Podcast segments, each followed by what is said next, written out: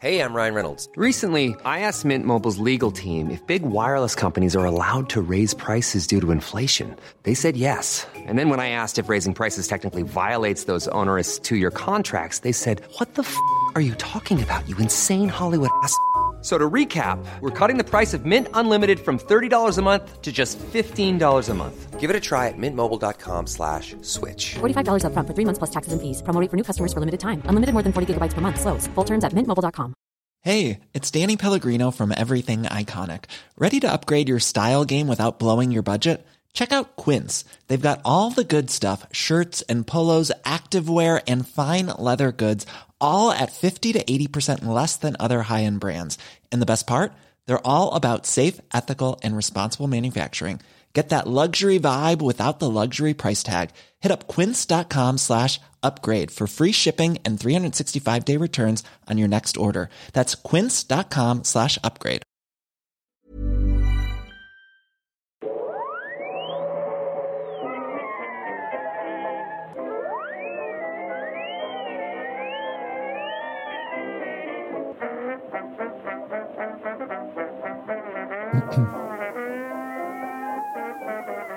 Då börjar jag i stort sett bara.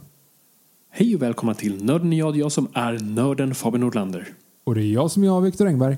Det här är podcasten samarbete med Acast där vi pratar nördämnen, nördkultur, slags bildande syfte. Jag försöker bilda Viktor i saker han tycker om men inte vet så mycket om. Och idag är en udda dag. Ja, kan man ens säga att det är en bra dag? Det är det jag menar. Det är en udda dag. För, Det okej, kanske är sorgens dag. Det är snart jul. Det är bra. Jo. Samtidigt så är det fyra plus och regn som det varit de tre senaste dagarna. Det är en global pandemi. Folk dör hej vilt och allt är lockdown och vi får se hur det går för eh, arbetsmarknaden när vi kommer ur det här. Så att en bra dag? Nej.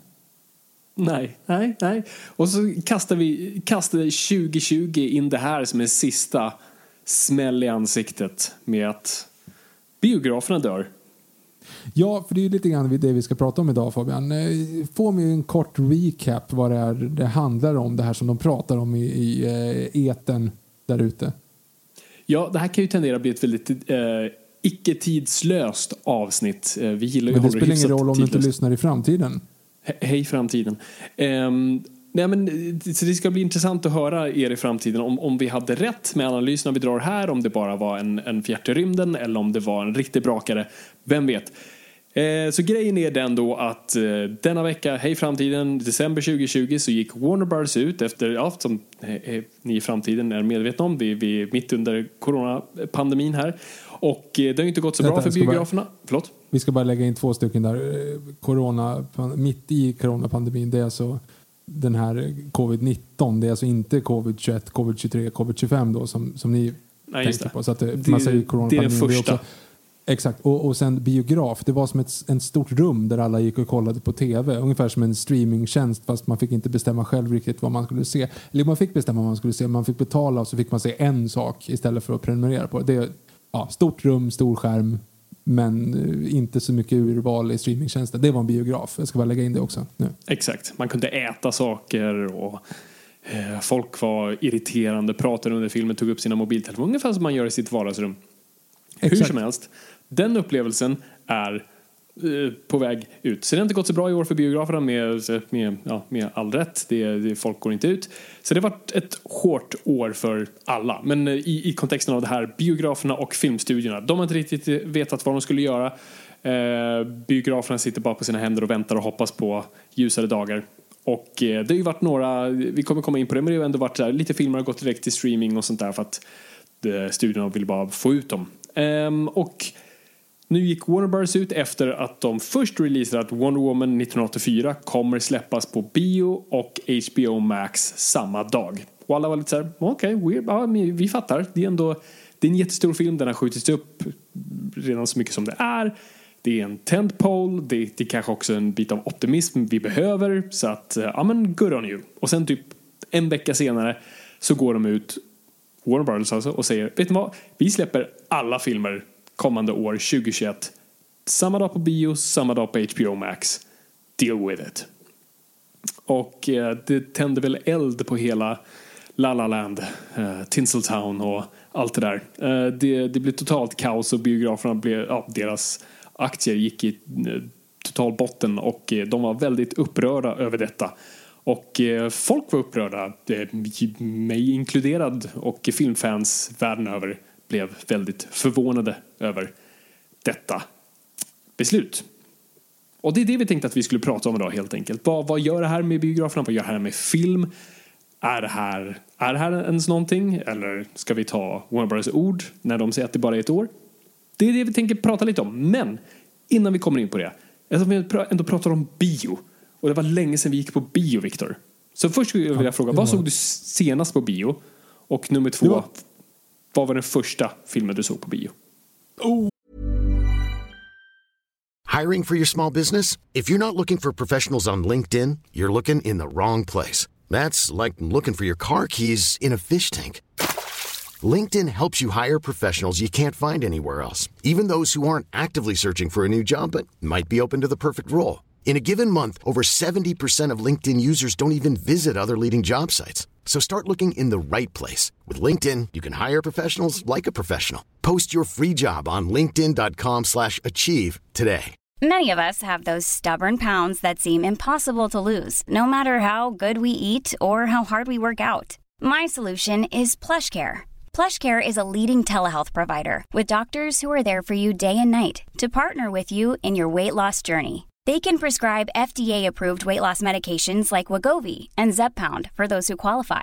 Plus, they accept most insurance plans. To get started, visit plushcare.com slash weight loss. That's plushcare.com slash weight loss. Hey, it's Ryan Reynolds, and I'm here with Keith, co star of my upcoming film, If, only in theaters, May 17th. Do you want to tell people the big news?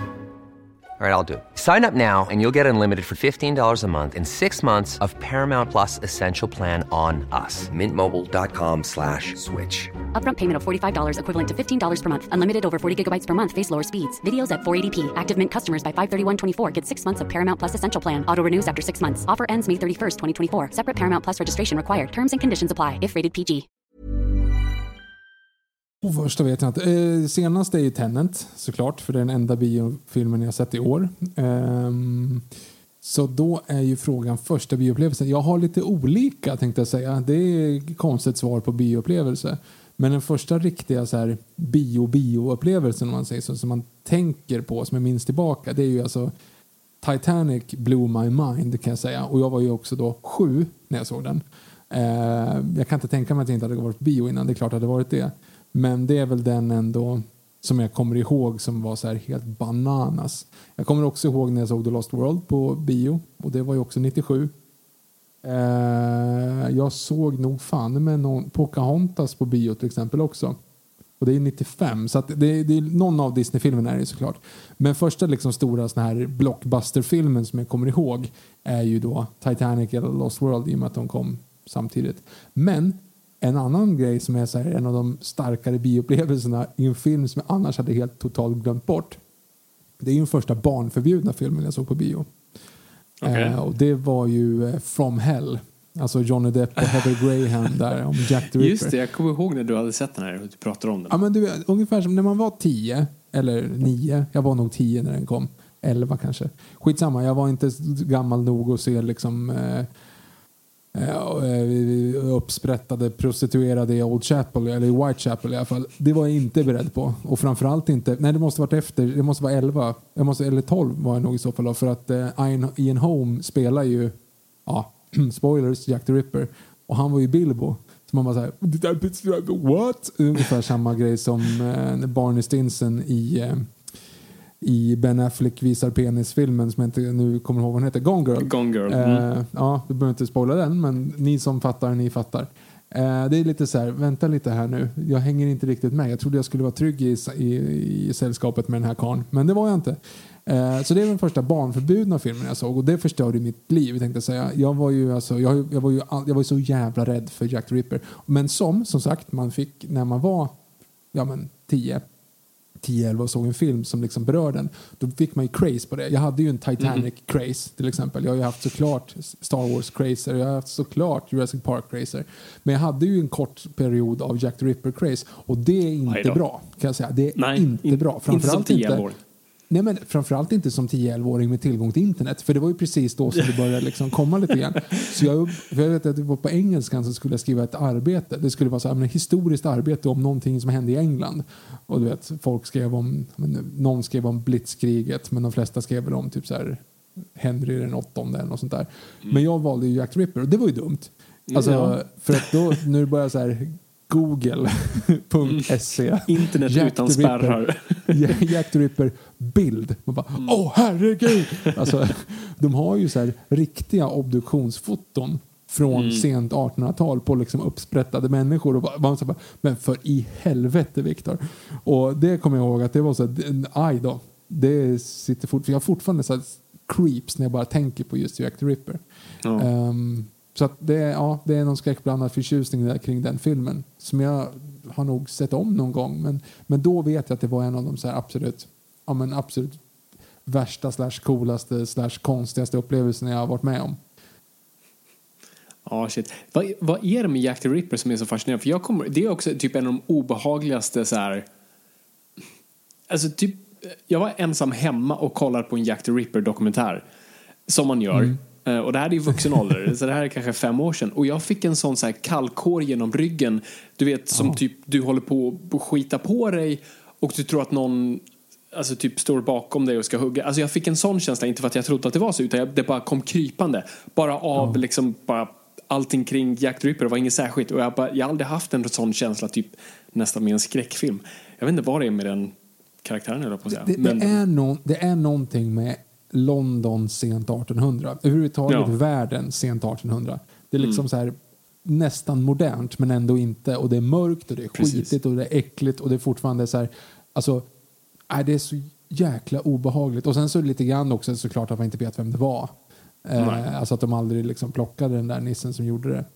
Ehm, ja, det. Det är en fascinerande obehagligt. grej vad det är, för jag satt och tänkte på det igår också. Sorry för det här avhoppet, men, men, men låt oss lista ut här. Just grejer vi inte har svar på. Vad är det som är så kittlande för det hos oss som människor och varför blir vi så besatta? För jag lyssnade på en dokumentär igår om Djatlov-passet i Ryssland. Har du talas om det? Nej. Okej, jag ska dra det här jättekort. Så, typ, eh, vad här är 50-60-tal, några eh, studenter i eh, före detta Sovjet ger sig ut i, i liksom, de snöiga bergen, jag tror nära Uralbergen. Eh, ger sig av bara för att, typ som en kul grej, eh, det är några forskarstudenter. De kommer inte tillbaka, eh, ingen vet vad som händer med dem. Eh, så några andra studenter ger sig av för att hitta dem. De hittar dem, de hittar deras tält där typ deras kläder är kvar och deras här, stövlar är kvar. Men det är upprivet, fast från insidan. Och eh, de hittar sen studenterna lite här och var utspridda, döda. En har sitt bröst alltså inkrossat, alltså, som de beskrev, det skulle krävt en, en, alltså en bilkrasch. Några har sina tungor och ögon borta. Och eh, en ung person har liksom vitt hår, han var, han var inte vithårig. Och deras hy ser väldigt konstigt ut. Och ingen vet vad som händer med dem. Och vi vet fortfarande inte idag. Och det är massa teorier som fortfarande går. Det här är så, I Ryssland är det här fortfarande en väldigt stor grej. Att liksom, det är deras Jack the Ripper slash Palmemord. Alltså ingen vet exakt vad som händer. Är det aliens? Är det, var det någon eh, mystisk forskargrej som skedde där uppe i bergen? Var det urbefolkningen som finns där i närheten som gjorde någon religiös grej? Ja, det, det, det finns så sjukt mycket så här, titulerande obehagliga grejer kring just det här tältet revs upp från insidan. Så Men varför? kan man, kan man inte bara slutleda det till att det finns en halvfet snubbe i stålbågade stora briller som möjligtvis kanske skulle kunna bo i närheten av någon som möjligtvis kanske skulle kunna samla på vapen och då möjligtvis kanske skulle kunna ha ett vapen som kanske var ett sånt vapen som möjligtvis sköt statsministern. Och så bara tar man honom och så lägger man ner allting. Kan man inte göra det? Pratar vi Skandiamannen nu? Jag tänkte, det kan ju vara han där också. Ja, det är mycket möjligt. Som för övrigt ska porträtteras av Robert Gustafsson i en Netflix-film. Jag såg det. Eh, och jag visste faktiskt om det för att jag har, eh, så här, det, skickas ut såna här statistförfrågningar och då så har du hockeyfrilla eller något sånt där så sök till Skandiamannen på Netflix. Mhm. Eller Skandiamannen dok, eh, ja, dokumentären tänkte jag säga, men eh, tv-serien. Och det är Eh, jag- ingenting jag du har ju funderade på att anmäla dig till? Nu när Jo, du har, du så här, har- återupplivat din karriär. Ja, det är ju lite grann det som är, oh shit vilket stickspår det här blev. Men jo, så här, stay with me. Eh, jag är för tillfället då föräldraledig. Så att eh, då så har vi ju haft det, liksom, vi har ju gått på museum varenda dag. Och det har ju varit positivt för att jag menar, det har ju inte varit någon där. Vi har ju varit helt, ensamma på Livrustkammaren och Vasamuseet och Skansen och Skansenakvariet och eh, allt möjligt. Liksom. Vi, har, vi har varit på typ de flesta museum som finns i Stockholmsregionen. För övrigt också på Ljusne bruksmuseum i, här uppe i Hälsingland. Hur som helst, sen så stängde de ju alltihop och då var det så här, jaha vad ska vi göra nu då? Så då så ligger man ju latent på det här statist eh. Det finns ju många statisthemsidor men eh, eh i alla fall. Public service Victor, du kan, du kan, ja, du kan nämna dem. Ja. Ja, statist.se och Filmcaféet förut, men jag har inte varit inne på Filmcaféet på typ 15 år. Oh, Gud, Hur som helst. Mm. Och då fick jag ju förfrågan då om en grej. Första frågan är alltid så här, vad är det för här för telefonscam? Men andra så, så tänkte jag, ja, hur, och då, så här, hur hittar ni mig? Ja, ja, men du finns här. Så, ja, men det kan jag väl göra. Liksom. Och men det såg inte du ut som 11 på den bilden fortfarande? Jo, jo, jo. Men jag, jag, jo, det gjorde jag ju. Eller ja, som ja, 19 kanske. Jag sökte ju en del under min eh, studieperiod där och drygade ut studentbidraget. Um, nej men i alla fall så fick jag ju vara med och det är ju liksom, det är sådana totala flashbacks från att komma till en, en inspelningsplats som man inte är värd vatten uh, där, där alla liksom står och snackar med varann och är polare från början. Eller så att alla i, i produktionsteamet liksom står och snackar och typ medvetet ser till att man inte ja, att man inte ska trivas. Liksom. Eh, och man, de, det sätter igång 40 minuter för sent innan de ens dyker upp så att alla statister står där och väntar. Och den här typiska statistsnacket. Kommer du ihåg statistsnacket? Ja, men det är ju verkligen bara så här. Ja, ja hur kom du hit då? Och ja, nej, men, ja, det, dels, auditions dels, och sen, vad är du ja, annars? Men det, exakt, men det är det som är lite, den, den viktigaste detaljen är ju att det är ett totalt så här, alltså passivt aggressivt penismäteri hela tiden om vem som har gjort de coolaste grejerna. Bland statister, för statister är freaks för det mesta. Ja, ja, jag, jag inräknar mig själv i det här. Så jag kan säga det. jo, men, jo, men och då var det ju verkligen så här, du vet, man kommer dit och säger så här, ah, jag har ju, jag har ju varit, det är ju inte första gången jag är med den här veckan. Så här, Jaha, okej. Okay. Ah, jag var ju där och så är det någon som var liksom, ja, jag var ju Lill-Babs lillfinger här i en eh, tv-serie från 1973 där jag har ganska mycket screamtime, alltså det är liksom på den nivån nivån mm. hela tiden. Och man tänker bara uh. så här, ta mig, ta, kom och ta mig långt härifrån, klack, klack, långt härifrån. Men sen är det ju någon, så här, det är ju någon form av magi kring inspelningsplats. Jag vet att inte du håller med mig, men jag tycker ju att det där är coolt alltså. Jag tycker ju att det är lite fräckt. Och det, jag vet, men jag vet, men det är ungefär som att stå på scen när, när vi gick på teater. Mm. Alltså det här taggandet för att sätta igång. Men sen så finns det också någonting i att precis som man står på scen så vet man att allt jag gör nu räknas. Alltså allt jag gör plockas ja. upp av någonting. Just nu är det liksom alla cylindrar påslagna, fullt fokus. Ja, det, det, finns en, en ganska, det finns en jävligt intressant grej där. Med det sagt så är det ofta så här när man är statist så är det alltså, det finns x antal filmer i, ja, på Simor är det ju för att alla svenska filmer handlar på Simor eh, där jag liksom, just det, just det, jag är med i den här. Ja, just det, i den här scenen. Ja, där, möjligtvis kan det vara jag. Jaha, nej, det var en läskkyl. Alltså, det, det, det, är ju liksom inte så att man... För det är det som är det roliga. De flesta som är med på de här statistjobben är ju där för att bli skådisar. Är aspirerande skådisar yeah. och vill yep. vara med som statist för att det ska vara en inkörsport. Och mm det är mhm. så här, glöm det. Det finns not a chance in hell. Det finns mm. inte en chans. Det, finns, det har nej. aldrig hänt att någon nej. står i bakgrunden och går förbi och så säger Micke Persbrandt, och råkar gå in i Micke Persbrandt och säger och, och, oh, men gud, du verkar vara en bra skådis. Här, här, du har en roll över. Aldrig hänt. Aldrig hänt. Nej, I, nej, bästa fall, I bästa fall så är det så här, ja, du, får, eh, du där, skulle du kunna gå lite med ett vänster? Så, så oh shit, då har jag halva ansiktet med i bild. Alltså, Ja, mm. det är en väldigt intressant värld det där med statistandet. Jag har berättat ja. om det förut när de skulle stötta, sätta igång en fackförening när jag var med någon gång. När jag var, ja, just det. Ja, men, jag, men då när jag pluggade, liksom, när jag var i Örebro så var jag hem i Stockholm någon helg och så var jag med i någon ja, men, press, statister, någon pressbyrå och reklam, typ, gå förbi bakgrunden. Som bara skulle sändas i Azerbajdzjan. Typ. Och då så var det verkligen en som försökte samla oss. Alltså så här, ah, vi får för dåligt betalt. Det är bara 400 kronor per dag. Ja, men typ. Så här, vi är en av de viktigaste delarna i, i filmproduktion. Nope. Nej, nope. De kan, de kan ersätta oss med vad som helst. Yeah, alltså, ge dem en anledning bara. jag är här för att jag inte har någonting bättre för mig och jag får 400 spänn vilket är typ, ja men jag tänkte säga 40 öl på krogen när man är student, men det är ju inte. Men, men alltså det är liksom- 1943 kanske, men ja, eller i en studentstad. Men alltså, det, det var verkligen på den nivån. Och de, de sa ah, men, nej, men vi, ska, vi, ska, vi ska samla ihop ett fack så att vi kan förhandla upp lönerna. Jag bara, men, och man känner på sig liksom att det här, det, stackars dig, jag vill inte veta vad det här tog vägen. Men det är ju uppenbarligen så att regissören skulle ju kunna liksom ringa in fyra polare och ersätta det här gratis och göra samma i alla scener för ingen hade märkt att det är samma personer som går bara fram och tillbaka om de hade bytt keps. Alltså, försök inte ens. nej. Nej, det, det, det är en sån konstig värld och precis som du säger, det, jag, jag vet ingen, i och för sig man har ju inte koll på alla i bakgrunden, men jag har inte hört om någon som började som statist och blev sen skådis. Så det är så här, tips till aspirerande skådespelare, slösa inte tiden på att bli statister. Liksom, lägg er tid på ert craft, gå med i teatrar, gör liksom bara, utveckla er själva, men för guds skull, sitt inte utomhus i regnet i 16 timmar och vänta på att få vara liksom, dyka upp. Nej, men, nej men, som sagt, men, men med det sagt, jag tycker det fortfarande att det är ganska roligt och annars hade jag inte gjort det. Jag tycker att det är Och det är kul ju på enda plats. anledningen varför man ska, ska göra det. Ja, för det är inte pengarna. Nope, nope. och det är inte liksom att man känner, och det är inte som sagt att du ska bli någonting fräckt och coolt. Jag har ju fortfarande den där grejen. Alltså, du, du har ju din, du finns ju på IMDB. Du är ju där. Ja, Jag har precis. Inte för statistjobbet. Nej, nej, jag vet. Du har ju en, eh, en riktig film och skrivit och varit fräck och suttit i coola rum.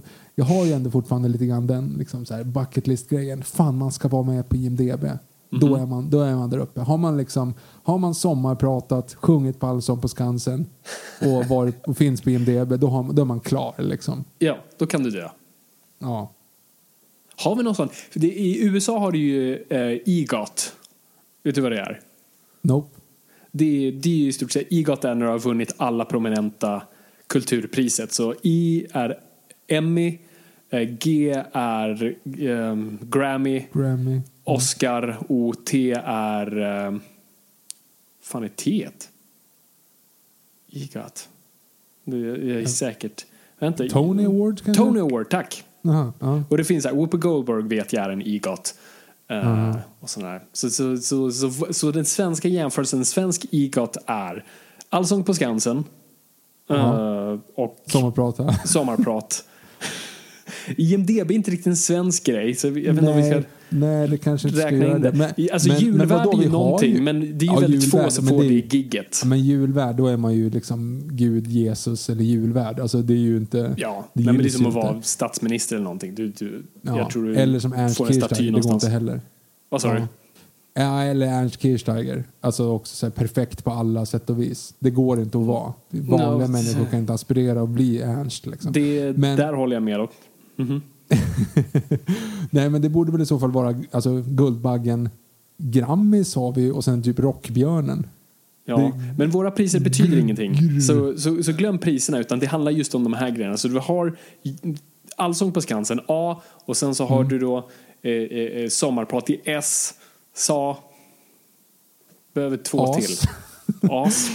Eh, på spåret. as. Vad sa du? På, att sitta med På spåret det var rätt coolt. Ja, den är ju faktiskt, det, Ja. det ligger någonting i det. Då är du faktiskt någon. Ja. Så På spåret, så då har vi P, Mm. SPA. ja, eller så blir det pass med dubbel S då så lägger vi in och så snor vi Skavlan till Sverige också då. Nu är ju inte Skavlan kvar längre. De har ju kastat Nej, ut honom. Nej, det, det är någon ny... eh, de har bytt ut vår USA-korrespondent. Korrespondent. Ja, Carina Bergfeldt. Yes, tror det. Hmm, Carina Bergfeldt, inte Carolina. Carina Bergfeldt. Hmm. Men ska inte han, okej, han kan kanske inte komma tillbaka då. Okej, men då är ju frågan, det måste finnas någonting till. Nu, det här är jättedåligt poddmaterial förut. Nej, det här är men, hemskt. Det här eh, kommer inte sändas. Men, men okej, men, jag tänker, men du, du har rätt. Det är kul också att vi centrerar allting kring typ så SR och SVT. eh, men, men det måste ju finnas någonting mer. Jag känner, mitt eh, huvud går på högvarv. Det är inte Okej, Helenius hörna det här, liksom. här, jo, jag har den. Och, vi, och, och det här kanske är bias för att vi har betat av den. Nyhetsmorgon. Ja, men Nyhetsmorgon är, det är för många som är med i Nyhetsmorgon. Alltså jag fattar vad du menar, men Nyhetsmorgon är ju, är ju såklart ascoolt. Klapp, klapp Mm. Men de på släppte in oss. Men de släppte in oss. jag skulle inte vilja vara med i en klubb som skulle vilja ha mig som medlem. Som Nej, nej, folk som talesättet säger. Eh, så att nej, jag vet inte fan om Nyhetsmorgon är där ändå. Alltså. I Nej, så fall så, nej, nej. Nej, nej fan. Men att vara med i julkalendern, fast det är kanske är lite samma sak. Alltså just att man på Ja, något sätt har... då, då, ja, det är lite samma genre som, Mm. som alla andra Sveriges Radio properties. Ja. Hmm. Men, men eh, sen kväll med Lok när det gick då? Ah, Alltså- nej. nej. När det gick? Det var okej. jättebra. Alltså, jag- jag, älskar Sen kväll med Lok. Men jag vet inte fan om det var en sån liksom... Jag tror de nog också kämpade med gäster där och hade nog med ett och annat skumt. Men jag menar när han, när han var bra, inte nu. Alltså, Jo, inte nej, senaste absolut. gången. Ja. Eh, Malou efter tio. Det kan ju vara, Nej, fy fan. då, kan man få, då får man ju prata till punkt, som hon säger. Hos mig får gästerna prata till punkt. Får de? För jag har inte sett beviset på det. Och hon lyssnar inte på dem, vilket också är hysteriskt roligt. Nästa gång ni ser på Malou efter tio, kolla på Malou och se hur hon inte lyssnar på sina gäster och sen bara läser från kortet. För det är jätteroligt att se när de måste svara på samma fråga de precis besvarade. För att hon lyssnar inte. Och Åh, när, när man zoomar in och får den här röntgenbilden av huvudet som man får i Homer ibland. Den här apan Mm. som är symboler medan de pratar. Exakt. Nej, det är... Ja, nej, det är... Åh, jag har så mycket att säga om Malou. Men det är också för att jag eh, vet folk eh, nära den produktionen. Det är väldigt intressant. Vi ska inte ta det här. Men, eh, okej, är- är nej, inte Malou är inte på sak? listan. Men är inte det alltså praktexemplet för att dra en referens till Batman vs Superman? power corrupts, but absolute power corrupts, absolutely. Ja, det kan du verkligen sätta på Malou. Det tycker jag appliceras bart väldigt väl där. Men jag, jag, jag tycker vi sätter ny, Nyhetsmorgon här. För att det är, ändå, det, är en, det är en low bar, men, men vi kan ändå liksom så här... Vi kan ändå kasta in den, för det är ändå en svensk... Alltså det, det, det är typ ett svenskt arv vi har nu. Nyhetsmorgon är ändå lite... Jo, men ja, jag fattar Typ credit. Okej då. Okej då. Så Nyhetsmorgon, sommarprat. Ja, vi hade det. Vi hade spa, spa, span. Span! All, alltså, Allsång på Skansen. Så ett, ett svenskt span. Så vi har betat av ett av dem. Är jag dum i huvudet? Vem var pen? Ja, just det, På spåret. Mm. Ja, ja. ja okej, men span, eh, det, det, det kan bli bra. Eller ansp. Inte lika catchy. Span, span är bättre. Sap. Span är bättre. Men, Sa- men herregud, vi hade inte ens kommit in på vad du har gjort. Vad har du gjort, Victor? Ja, jag var statist. Mm. Fast det ska jag ändå säga att det här var avancerad statist. Du var, alltså, du var ju i, i hierarkin där så var ju du faktiskt högre upp där. Du är ju den som Ja, de nu- andra statisterna skulle sitta och morra åt. Ja, men nu- nu ska jag också lägga till här att det du syftar till är faktiskt inte det jag syftar till. Nej. Ehm, jag har varit med i två grejer, fast i samma Just produktion. Ja, Eh. Ge oss the scoop. Ja, men första... Alltså, så det- nu ska man inte sitta och prata skit. Jag fick ju ändå 400 spänn före skatt. Ehm, nej, men alltså så här... Det, det, är ju det här på SVT när de gör eh, stand-up komiker. Står och, och Ett eh, stand-up sketch show, va? Ja, exakt. exakt. Och då så i alla fall så är det liksom, det, hade sina stunder ändå måste jag ändå säga. Nej men det är ståuppkomiker som står och pratar och drar liksom sina, eh, ja. Earlier this week I went to in, uh, walked into a bar, alltså på den nivån. Och då så ser man då den personen gå in i baren. Och alltså de har gjort en sketch, de klipper till en sketch. Och det, Det är lite som drunk history lesson. Ja, exakt. Och det är det jag måste ge som credit för att det faktiskt är ganska roligt. Nu är ju hela konceptet rippat av en engelsk förlaga. Men ändå så är det liksom så här att det är ju fortfarande, du hör ju hela tiden stand-upen. Så att alla skådisar, citationstecken, som, står, som är i sketchen mimar ju till den som pratar. Och det är en ganska rolig grej. Alltså det är, det är roligt, det är effektivt liksom. Eh, och då var jag med i två, eller först blev jag inringd på en sketch. Eh, kom dit och det var verkligen så här. Ja, men precis som jag beskrev det. Produktionen var försenad 45 minuter. Det är ju inte deras fel säkert. Men det var ändå så här, vi stod där i 45 minuter först och liksom mm, penismätte med statister emellan. Eller det var två, framförallt två andra statister som verkligen stod och penismätte, vilket var kul. Och, jag, och när de kom in på mig och sa ja, jag har faktiskt inte varit med i någonting sedan 2011. Och då var det så här, okej han är ofarlig. Du är, du är på nedre däcket av Titanic. Det är inte ens, Ja, du, du exakt. är inte ens värd att exakt, är titta på. Nej, men de vet liksom att ja, okej, när, när skeppet sjunker här nu snart så kommer vi bara låsa dörrarna. Så Mm. han kommer inte konkurrera om någonting. om någon livbåt. Ingen livbåt till den här. Nej, exakt. Eh, och sen om man nu skulle ta sig ut så kommer en skorsten ramla på honom ändå. Okej, nej men och sen så sätter det igång och det var verkligen så här uppenbart att de bara ville göra det snabbt. Det var kallt, det regnade och det var liksom så här, ingen ville vara där. Eh, Låter som on-brand. Ja, men sketchen blev nog ändå på något sätt halvkul så. Men då, då kände jag så här, okej, det här, nu, just det var därför jag inte varit med så mycket. Liksom.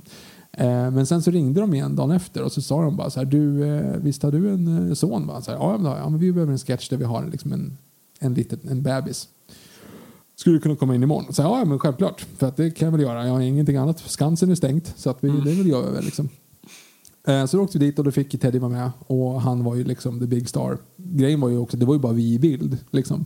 Ja, så det. det var ju inte riktigt statist, jo det var det, men jag menar det var ju ändå Nej, liksom. men det är ändå fyra avancerad statist. Biroll i Ja. bästa fall. Ja exakt, det var ju typ fyra pers i rummet liksom. Eller ja, fyra pers framför kameran varav liksom Mm. Teddy var helt inzoomad. Så då var det så, ja, okej, men det, det var ju faktiskt ganska kul. Problemet var ju bara att jag kom en kvart för sent så det var ju tokhatat när jag väl kom dit. Eller Oh. nej, det var jag inte, men jag kände mig tokhatad. Jag ville bara försvinna Men det gör man därifrån. alltid på, det spelar ingen roll vad du gör på filmproduktioner. Ja. Nej men för att jag, så här, hur fan lyckades jag? jag GPSen sa att jag var liksom så här, sa att jag kunde gå. Okej fast vänta lite här, det E4 går där. Jag kan inte gå där så jag hade parkerat helt fel. Jag liksom var tvungen att springa tillbaka till bilen. Liksom, vika upp vagnen, in med barn i baksätet och så bara fort som fan åka ut, vända på motorväg och så tillbaka igen. Så jag var liksom, ja. Så jag låg inte på plus när jag kom dit. Men det var inte det, för de var jätte liksom, snälla på alla sätt och vis när Ted var med. Och han var så glad så och tyckte det var så spännande så det var ingen kul. Men det, det var inget problem. Men om ni ändå ska, om ni ändå vill titta så att eh, på SVT Play nu lär det ju finnas, kanske inte i framtiden. Precis. Hej framtiden ska du säga. Jaha, förlåt. Jag, hej, hej framtiden. Ja, eh, så, så finns det då den heter Stand-Up Sketch Show och första avsnittet i sista sketchen där av Johanna Wagrell så är jag och Teddy med. Nice. Det var han, långt han är ju en uh, born star. Han var ju, Ja, han var ju där bra, verkligen alltså. relaxed i det där. Ja, In, inte liksom, kollade inte in i kameran, såg inte awkward ut utan på tok för chill. ja, det var en person som stod bakom kameran och sjöng eh, första låten ur Babblarna för att han skulle titta på den personen så det var ju bra. Ja, det är ju bättre än vad man Ja. gjorde typ på Hollywood på liksom 40-talet. Du bara gav dem opium och bara så. Och sen la dem tillbaka i apeburen, tillbaka med schimpanserna. Mm. Ja, det, metoderna har förfinats så att säga. Det har de, det har de.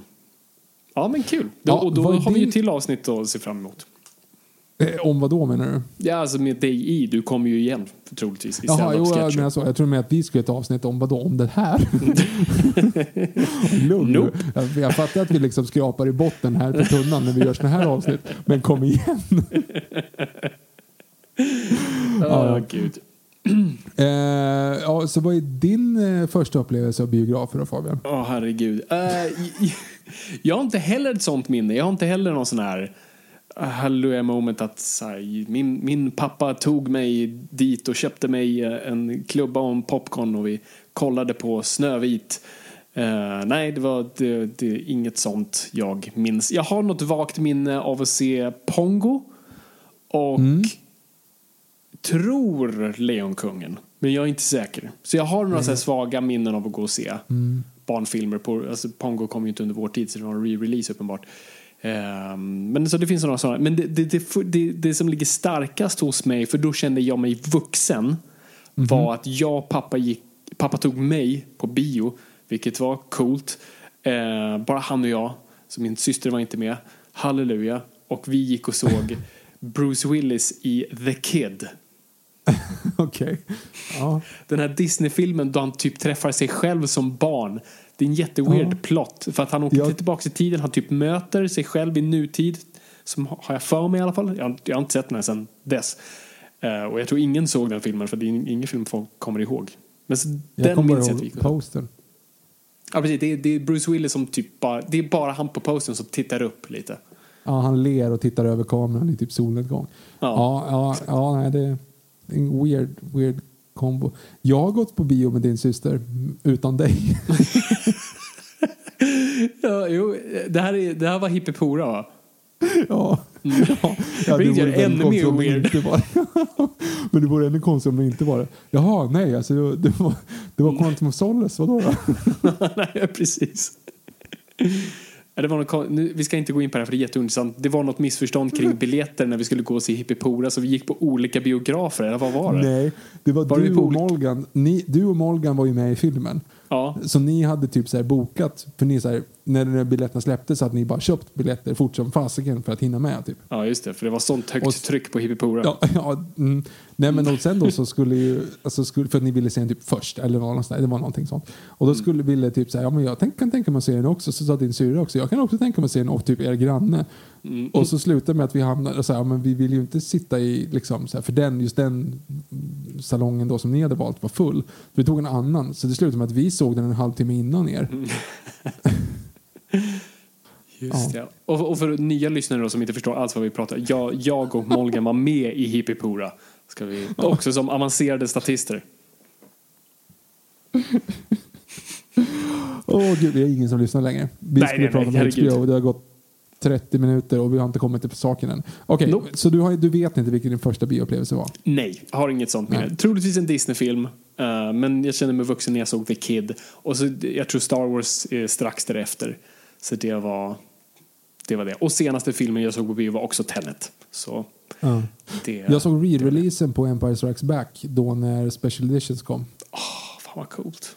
Mm, det Trots att coolt. det är special edition, men ändå att se Empire Men på Empire, bio. Stri- Empire Strikes Back i Special Edition Just det, den typ- är inte så inget ändrad. fel. Det är ju bara lite Cloud City-grejer och det är typ det. Ja, och uh, Wampan där. Ser man Ja, lite mer det. av. Hmm. Så det var Okej. inga konstigheter. Till ämnet. Så. Det Vad ska vi prata om? Vadå? Tack och hej.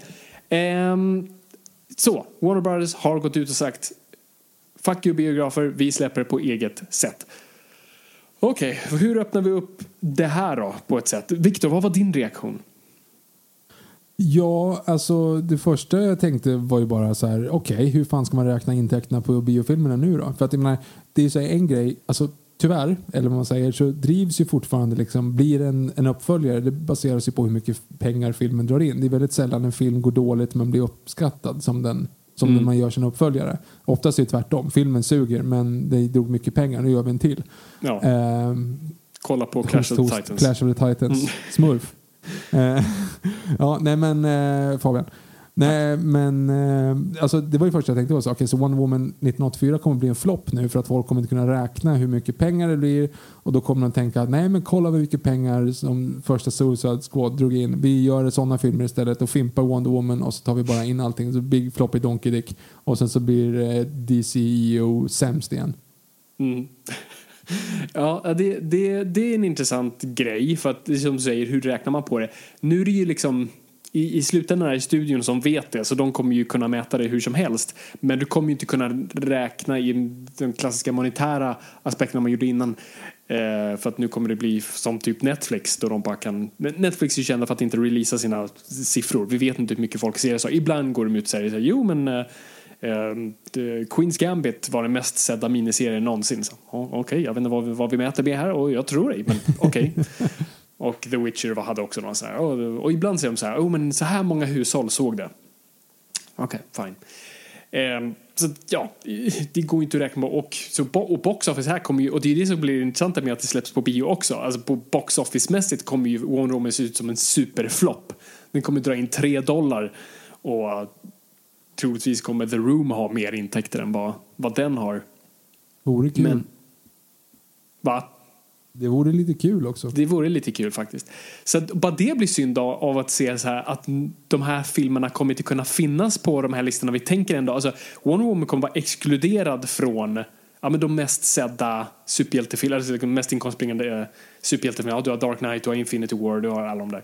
Men Wonder Woman, om, som jag nog tror hade kunnat vara där uppe, alltså första Wonder Woman drog väl in runt en miljard eh, dollar. Så att den här hade ju varit likmätig. Och kollar man på recensionerna nu, vilket också är så sorgligt, alltså den har fått väldigt bra recensioner. De säger att det, det är typ den bästa superhjälteuppföljaren sedan Dark Knight. Och, eh, det, men vi kommer ju inte riktigt se resultatet av det samtidigt så här, ja, det, så här, ska vi ha någonting bara för att eh, vi nördar här ska få kunna sätta ihop våra IMDB-listor. ja, det var nej, det- lite OCD-varning där på att man måste säga ja, det måste finnas på listan, annars Ja. går det inte det här. Är ungefär som, jag, kan inte jag, jag kan inte gå ut och springa utan min app, för då räknas det inte. Alltså, Nej, precis.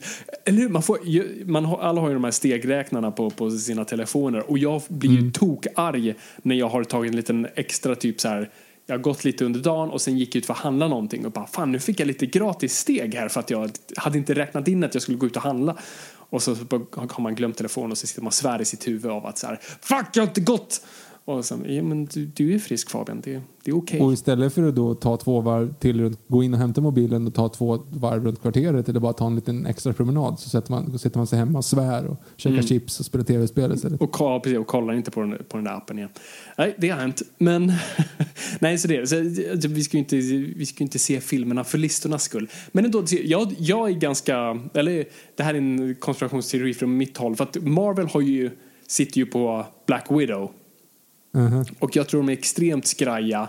Alltså, att, att, att den ska ses som en flopp eftersom det, är- det är en film som folk har bett väldigt mycket om. Det är deras andra kvinnliga superhjältefilm.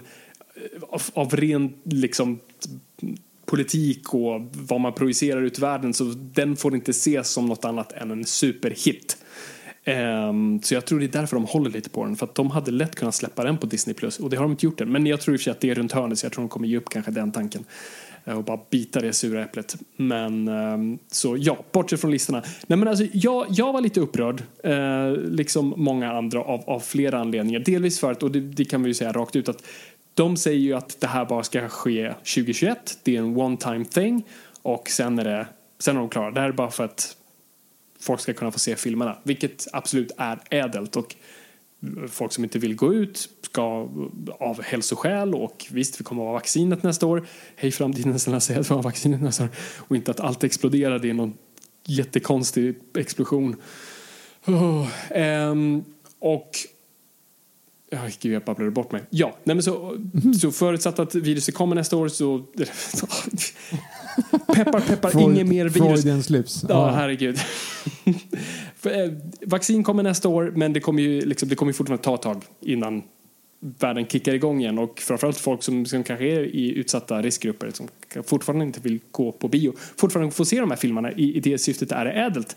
Men eh, jag tror ju inte, och de flesta analytiker tror inte, jag är inte en analytiker, jag pratar, säger vad de säger, är att det här är inte alls, de säger att det är 2021, men uppenbart när du öppnar den dörren, en dörr som för övrigt aldrig har öppnats, när du öppnar, den, när du öppnar Pandoras box så kommer det bli svårt att stänga den. Och jag, åh, det finns så mycket att beta av med, men jag tror när Disney, som jag trodde skulle vara först att göra det här, eh, får nys om det här och ser kanske positiva resultat så kommer de snabbt som satan bara och bara göra det direkt och liksom bara eh, sparka biograferna mellan benen och dra därifrån.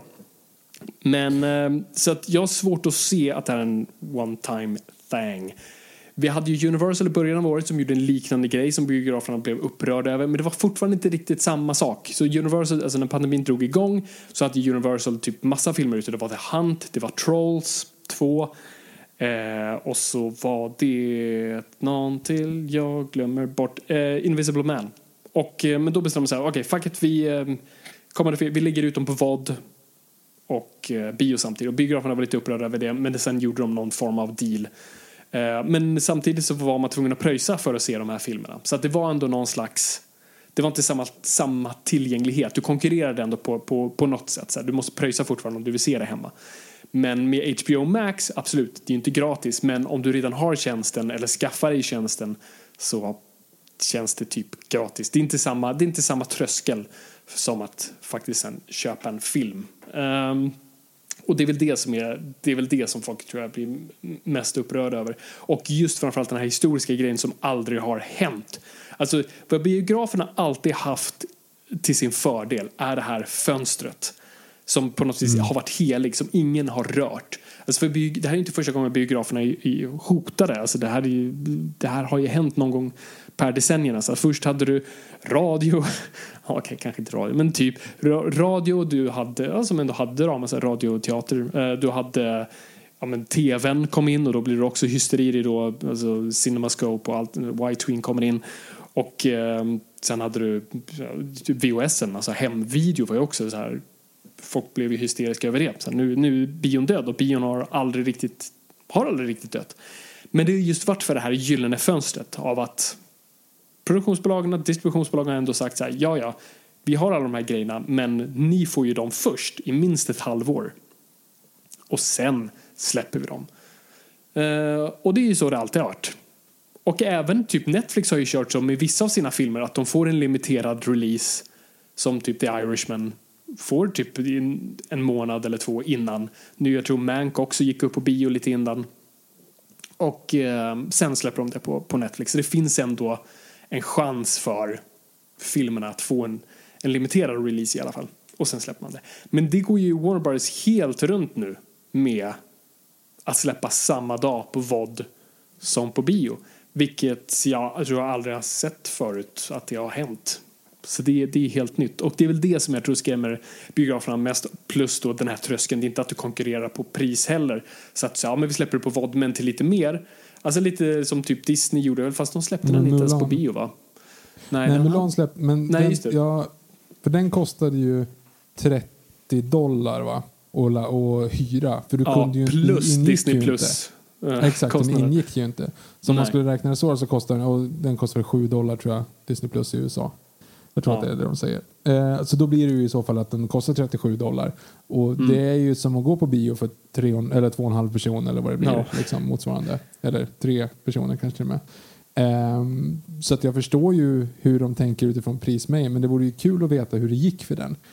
Alltså, ja, och det kommer vi inte heller veta. På bio. Nej, exakt. För att gå på bio ändå så här. Man kommer ihåg någon gång, ungefär som du sa, att du gick och såg The Kid. Alltså, Mm. Under 90-talet barn, då var det så att det fanns inte så mycket annat att göra. Så då var det så här, vilka, vilka filmer går på bio? Då går man ner till biografen och kollar. Mm, du ja, kunde öppna tidningen också. Din fysiska tidning så kunde du kolla och stry, stryka, för, stryka de filmerna du var intresserad av. Ja, just det. Ja, den också. Det kanske var enklare än att bara gå ner. Hur som helst så var det så, ja den här filmen, jag har aldrig hört talas om den, men eh, ja, när Bruce Willis är med, ja men då tar vi den. Alltså, mm, det är det, det som nivån. går. Exakt, och du fick en du betalade en nickel och fick en popcorn och en kvinna under din arm. Inte på 90-talet kanske, det var lite tidigare. Jag kommer inte ihåg det riktigt så. Kvinnan var betydligt dyrare på 90-talet. Gud ja, men inte så dyr som den är nu. Hur som helst, nu kostar det alltså 37 dollar att ladda hem en film. Mm. Det är ju jätteweird. Alltså jag tror inte alls att folk, då, när du ändå sitter hemma och liksom konkurrerar med vad annat du kan titta på tv. Mm. Det är väl ingen som betalar 37 dollar för det liksom. Nej, jag det är tror... jättekonstigt. Ja, nej, särskilt något som Mulan och jag tror Disney verkligen tog hårt på den. För det var också just en så här representationsgrej kopplat till Mulan. Så nu har vi en stor megabudgetfilm med en asiatisk kvinna i huvudrollen. Uh, och det finns bra med representation och sånt där. Det var en film de verkligen ville få ut till massorna och så blev det tyvärr inte så.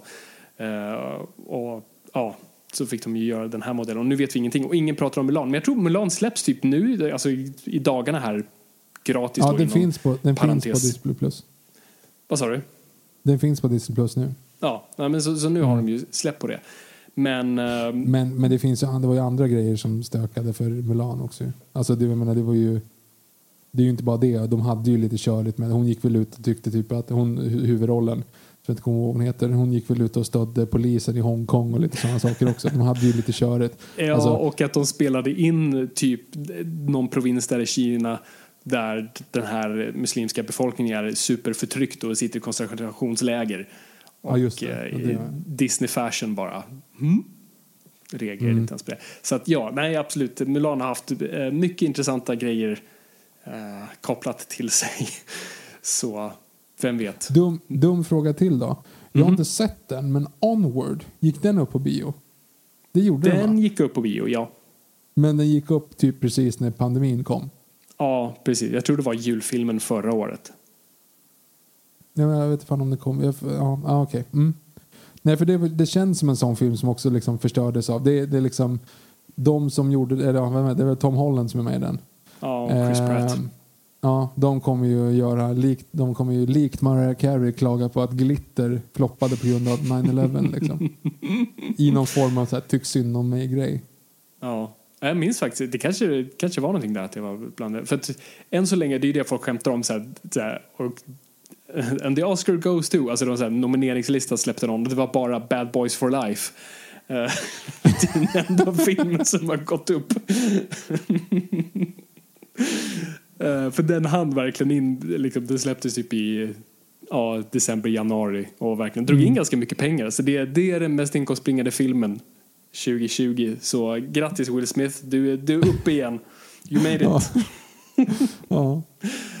Nej, det, Ja, det är, är kul. det, det är weird. Nej, men alltså, det är ju uppenbart. Alltså, det, är ju, det finns ju någonting, det finns ju ett business-syfte här också och, och det är ju inte konstigt och det har jag minst problem med egentligen för jag förstår, alltså Warner Brothers ägs ju av Time Warner som också äger HBO. HBO är i stort sett Disney plus för eh, Warner Brothers. Och eh, de har ju lanserat nu sin HBO Max, vilket varit väldigt förvirrande för de har haft en massa andra tjänster, eh, HBO-tjänster. Så det här ska vara deras definitiva stora Netflix-konkurrent. Problemet är att de har ju inte så mycket, alltså absolut de har en jättesaftig katalog men de har ju inte så mycket att komma. De har inte en House of Cards som Netflix liksom kom med och Orange is the new black. Så de har inte haft så mycket att locka med mer än så här, ah, vill du se Sopranos för femte gången igen? Men Eh, HBO, vadå, Game of Thrones har de ju. Ja, Game of Thrones har men uh, hej, tje, du kanske har noterat att ingen pratar om Game of Thrones längre, Victor? Nej, jag vet inte vad det är. Jag har bara läst om det någonstans. Ja, nej, precis. Eh, så, så de har ju liksom ingenting att locka med just nu i alla fall. Det kommer ju någon till sån här Game of Thrones-serie så småningom. Men de har ju ingenting att riktigt sukta med om man inte vill se gamla snurresprätt eh, eh, filmer, eh, serier. Ja, det skulle i jag vilja göra. Men, så de har inte så mycket. Så då var ju en grej i hela Snyder Cut-grejen, det var ju jättesmart. Eh, Ja, men relativt billig lösning antar jag också. Ja, en bra morot på något vis. Att så här, ja, men här har vi någonting som typ är halvklart. Vi behöver bara pröjsa för eh, postproduktion. Fortfarande rätt dyrt, men ändå det skulle typ vara en, vad en långfilm skulle kosta för plattform. Så att fine, vi gör det. Eh, så det, det gjorde de. Och sen så insåg de ju att med hela pandemin att här, ja, men här har vi ju faktiskt någonting, en ganska bra inkörsport till vår tjänst är ju att vi släpper ganska saftiga filmer i år.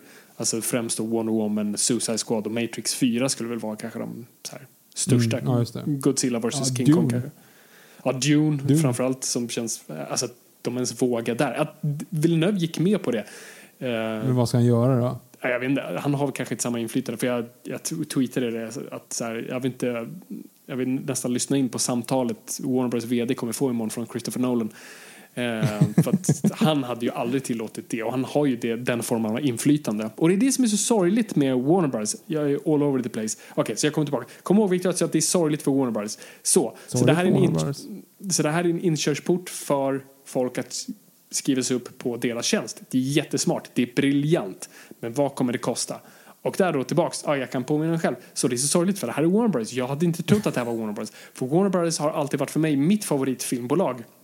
För att de var alltid kända som så här, eh, regissör, alltså filmskaparens filmbolag. Alltså de, när de hittade en regissör som de verkligen fattade tycke för så litade de på den personen och såg till att ha kvar en Stanley Kubrick, bland annat Clint Eastwood, Christopher Nolan nu och sen finns det många, många fler som de verkligen sa, men vi gillar dig och vi kommer stödja dig oavsett vad. Och som de sa till Kubrick, så här, men vi vill vara i Stanley Kubrick-businessen, det spelar nog ingen roll för oss just nu om det går på vinst eller förlust. Det är liksom, vi vill jobba med dig. Och Warner Bros har nästan alltid haft det, oavsett vem som har varit på toppen där, vilken vd. Det känns som det är det som är arvet de lämnar efter sig. Bara kom ihåg att vi är filmskaparens eh, filmbolag. Och nu att de gör det här, och som sagt, jag brasklappen med att jag förstår varför. Men så om vi bortser bara från pandemin och tänker att om inte ett alternativt universum kunde vara skjutit fram det eller vad som helst, så låt oss bara isolera situationen.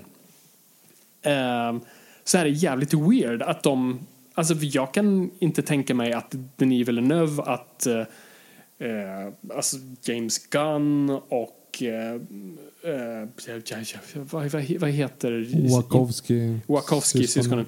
Ehm, att de skulle till, liksom, skriva under på det. Och det, för det här tydligen också, alltså de bara släppt, de hade typ inte pratat med någon säger ryktena. De hade inte pratat med biograferna, de hade inte pratat med sina med ehm, deras, en av deras medproducenter är filmbolaget Legendary som har gjort Dark Knight-filmerna, Nolans filmer, de gör Godzilla-filmerna, Kong.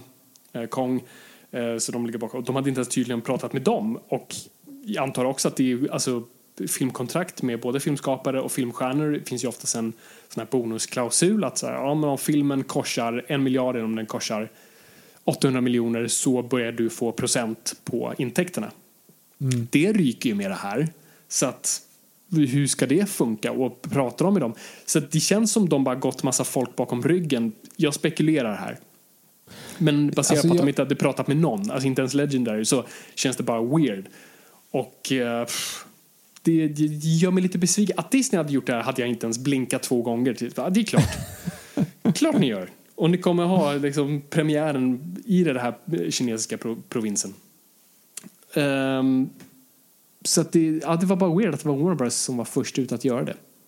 Samtidigt som jag förstår Men jag det. ser det inte som, ja men exakt, för jag ser det inte som det. Alltså möjligtvis att de, att de är liksom citationstecken taskiga mot biografägarna, men det är ju inte deras ansvar. Alltså jag menar, Nej, absolut. På ett sätt är det inte. Men på ett sätt är det. De har ju liksom en, det är en symbiotisk relation. Och det är ändå Inte det är längre. deras största intäkter. Alltså mer än 50 procent av en films eh, intäkter i slutändan är ju från biograferna. Mer än 50, jo, jo, jo, 80 jo, procent. det måste vara mer. Ja, exakt, det måste vara mer. Vadå? Mm. Nej, men, nej, men oavsett det så är det ju fortfarande, om du, om du kommer liksom till, till kritan om alltihop. Vi har producerat 17 storfilmer som vi har betalt för och de ligger här i en byrålåda. Vi eh, måste visa den på vi måste visa de här filmerna för att dels klara oss men för, framförallt för att de är klara och vi vill kunna göra fler grejer. Annars kommer det vara ett glapp. Det kommer inte göras några filmer under nästa år av Warner Brothers för att de har ju inga pengar att göra dem heller. Alltså om man förskjuter hela intäktsströmmarna. Liksom, så det är ju en grej. Men om det då kommer till kritan så här, okej okay, vi måste visa den här, det är farligt att gå på bio. Ja men då gör vi så här istället. Det är ju inte så konstigt. Alltså om du liksom om, om du tar bort pengagrejerna som självklart är en stor grej, alltså att de vill tjäna pengar, men de kan ju, de, hela deras produktion blir ju halt också i och med att de inte får några intäktsströmmar för att göra nya grejer. Men som sagt, vi vill visa den här, vi får den inte för det är farligt. Okej, okay, vi gör så här, ni kan göra det hemma och det är inte farligt. Alltså, där tycker jag ändå att det är så här, ja, de kan inte ta ansvar för att biograferna är citationstecken farliga under det här året. Nej, alltså jag, jag förstår det på ett plan. Vad, vad, vad jag tycker, jag höll med, jag tror det var vdn till AMC, jag kommer inte ihåg, någon av biograf, de stora ägarna skrev att så här, vi förstår på ett, på, på ett sätt det här, men vi förstår inte varför ni har skrivit av hela året. Alltså vi förstår på en film, film per film, per filmbasis att så här, one on one, fine. Det, vi fattar det. Och sen ser vi vad som händer lite längre fram. Och sen, okej, nästa film. Just att man skriver av hela 2021. Alltså, i, i den bästa av världar så är typ i alla fall eh, 60 till 80 procent av den biogående publiken vaccinerad till september. Låt oss säga, jag baserar det här inte på något annat än en gissning. Ehm, då, och då kanske, liksom, då, då kanske allting ser annorlunda ut. Plus att så här, man kanske får ha mask på sig inne i biograferna. Och, alltså det finns, de har fortfarande vissa restriktioner och sånt där. Så det känns bara så weird att ta bara så här, nej, hela året borta, så, bye bye. Hade Och- du köpt ett, om du inte hade HBO, om, det hade, om jag vet inte vad de kostar, om de säger att den kostar 10 dollar i månaden.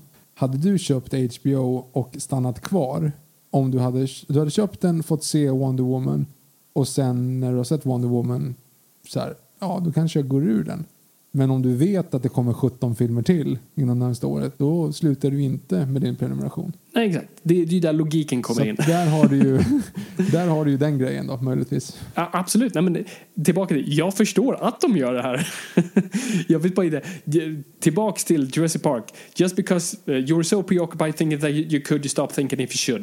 Eh, det är lite den grejen jag, jag tänker här. Det är såklart ni kan göra det och ni gör ju det uppenbart och det, det makes jättemånga sens att ni gör det. Eller, eller på ett sätt, alltså de kommer ju dra en enorm jävla förlust på det här troligtvis. Vi, vi får väl se.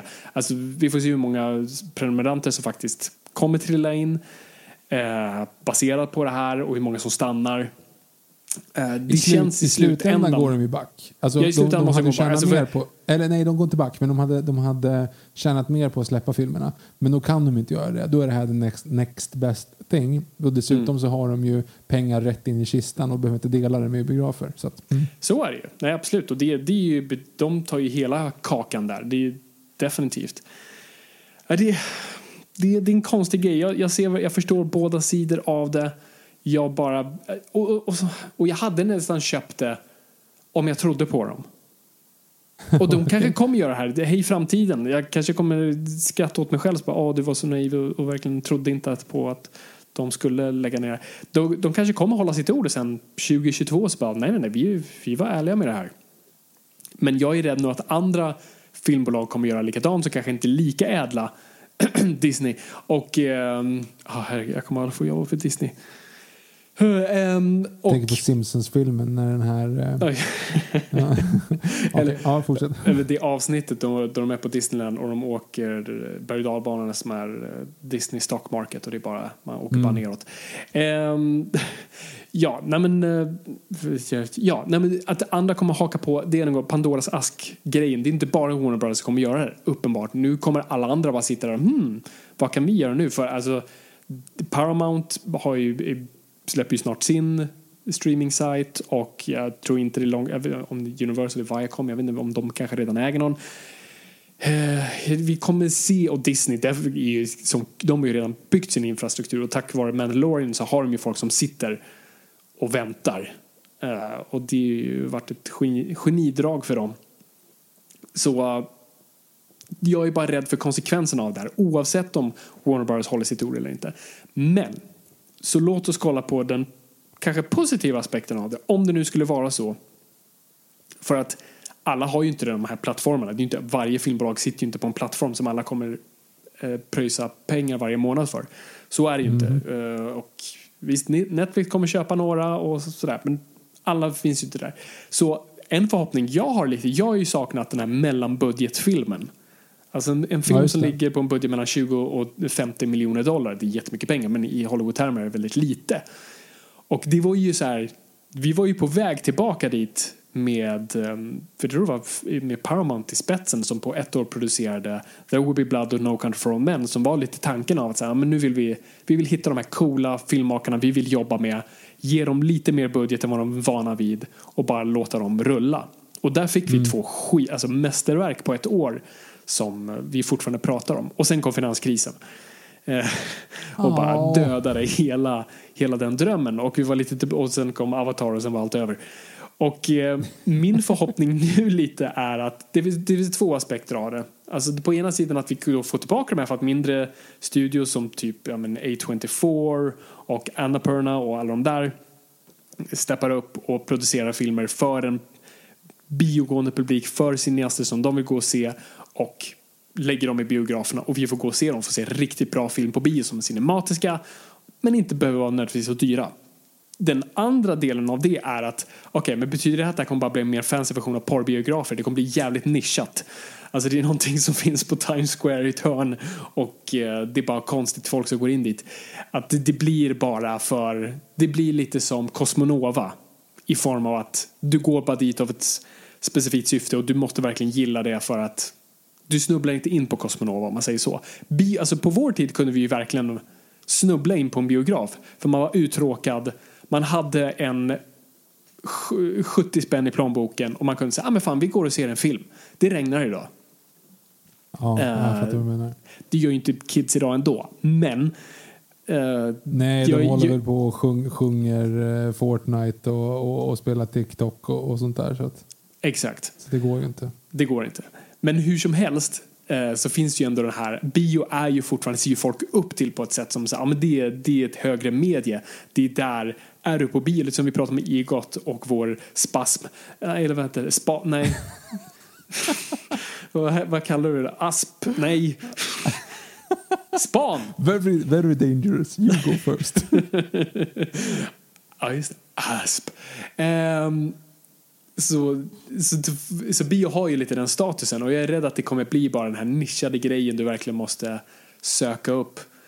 Uh, så det är det som gör mig lite skraj med allt det här. Och att så här men fan, alltså för bio har redan varit hotat som sagt. Och vi är, alltså folk har pratat om bions död i fan 40-50 år. Och det har aldrig hänt. Och det kanske inte kommer ske nu heller. Men det här känns så nära vi kommer det i och med de här nyheterna förutsatt att de inte håller sitt ord och förutsatt att ingen annan hakar på den här trenden. Men vi får se, vi kanske är doom and gloom nu. Eh, det här året har format oss av en anledning. Så vem vet. Men eh, jag är fan lite orolig för att jag vill att alltså, kommande generationer ska ändå så här, jag, alltså att det ska finnas en plats för Netflix. Jag har inget emot Netflix. Jag har inget emot att någonting som, någonting som Mank släpps på Netflix. Det är fantastiskt och särskilt ett år som det här. Eh, jag tycker det ska finnas en plats för det och att det behöver inte nödvändigtvis ta ifrån någonting på bio men att, att någonting ändå släpps på bio och att det ska finnas ett snyggt val där som känns rationellt att säga, nej men jag vill gå och se den här filmen på bio. Um, jag vill att det ska vara kvar och för, för kommande TikTok-generation som verkligen har allt serverat på ett fat när det, när det kommer till content. Um, så det gör mig lite. Och jag vill kunna skriva stuff. Alltså gud vad glad jag är att Bamse kom när den kom. Och att den såg som den sågs. Uh, för att alltså, jag vet inte fan om det finns en plats för barnfilm på bio snart. Jag hoppas verkligen det. Men, uh, och jag förköper ju också att alltså, bio kan ju vara bland det värsta du är med om. När du går på när du går alltså, en, en fredagkväll på sal 1 i din respektive biograf och nej, men du tappar ju hoppet om mänskligheten där och tänker att ja, men dödsstraff kanske inte är en så dum idé trots allt.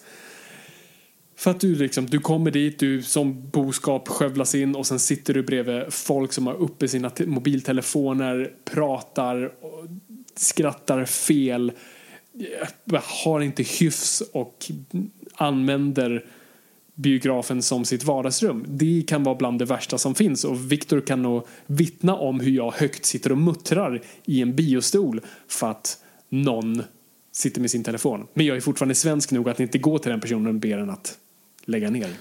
Nej, och då är det kanske bättre att de istället för att betrakta biografen som sin, eh, sitt vardagsrum så är det kanske bättre att de håller sig i sitt vardagsrum.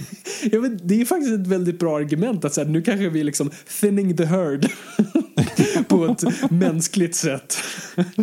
Ja. Att de bara inte kommer gå ut något mer. Och så här, det är väl bra. Det kommer vara jättedåligt för biljettintäkter men det är kanske just där de här, det är kanske då vi får de här no control men som de ändå kanske aldrig ens hade sett.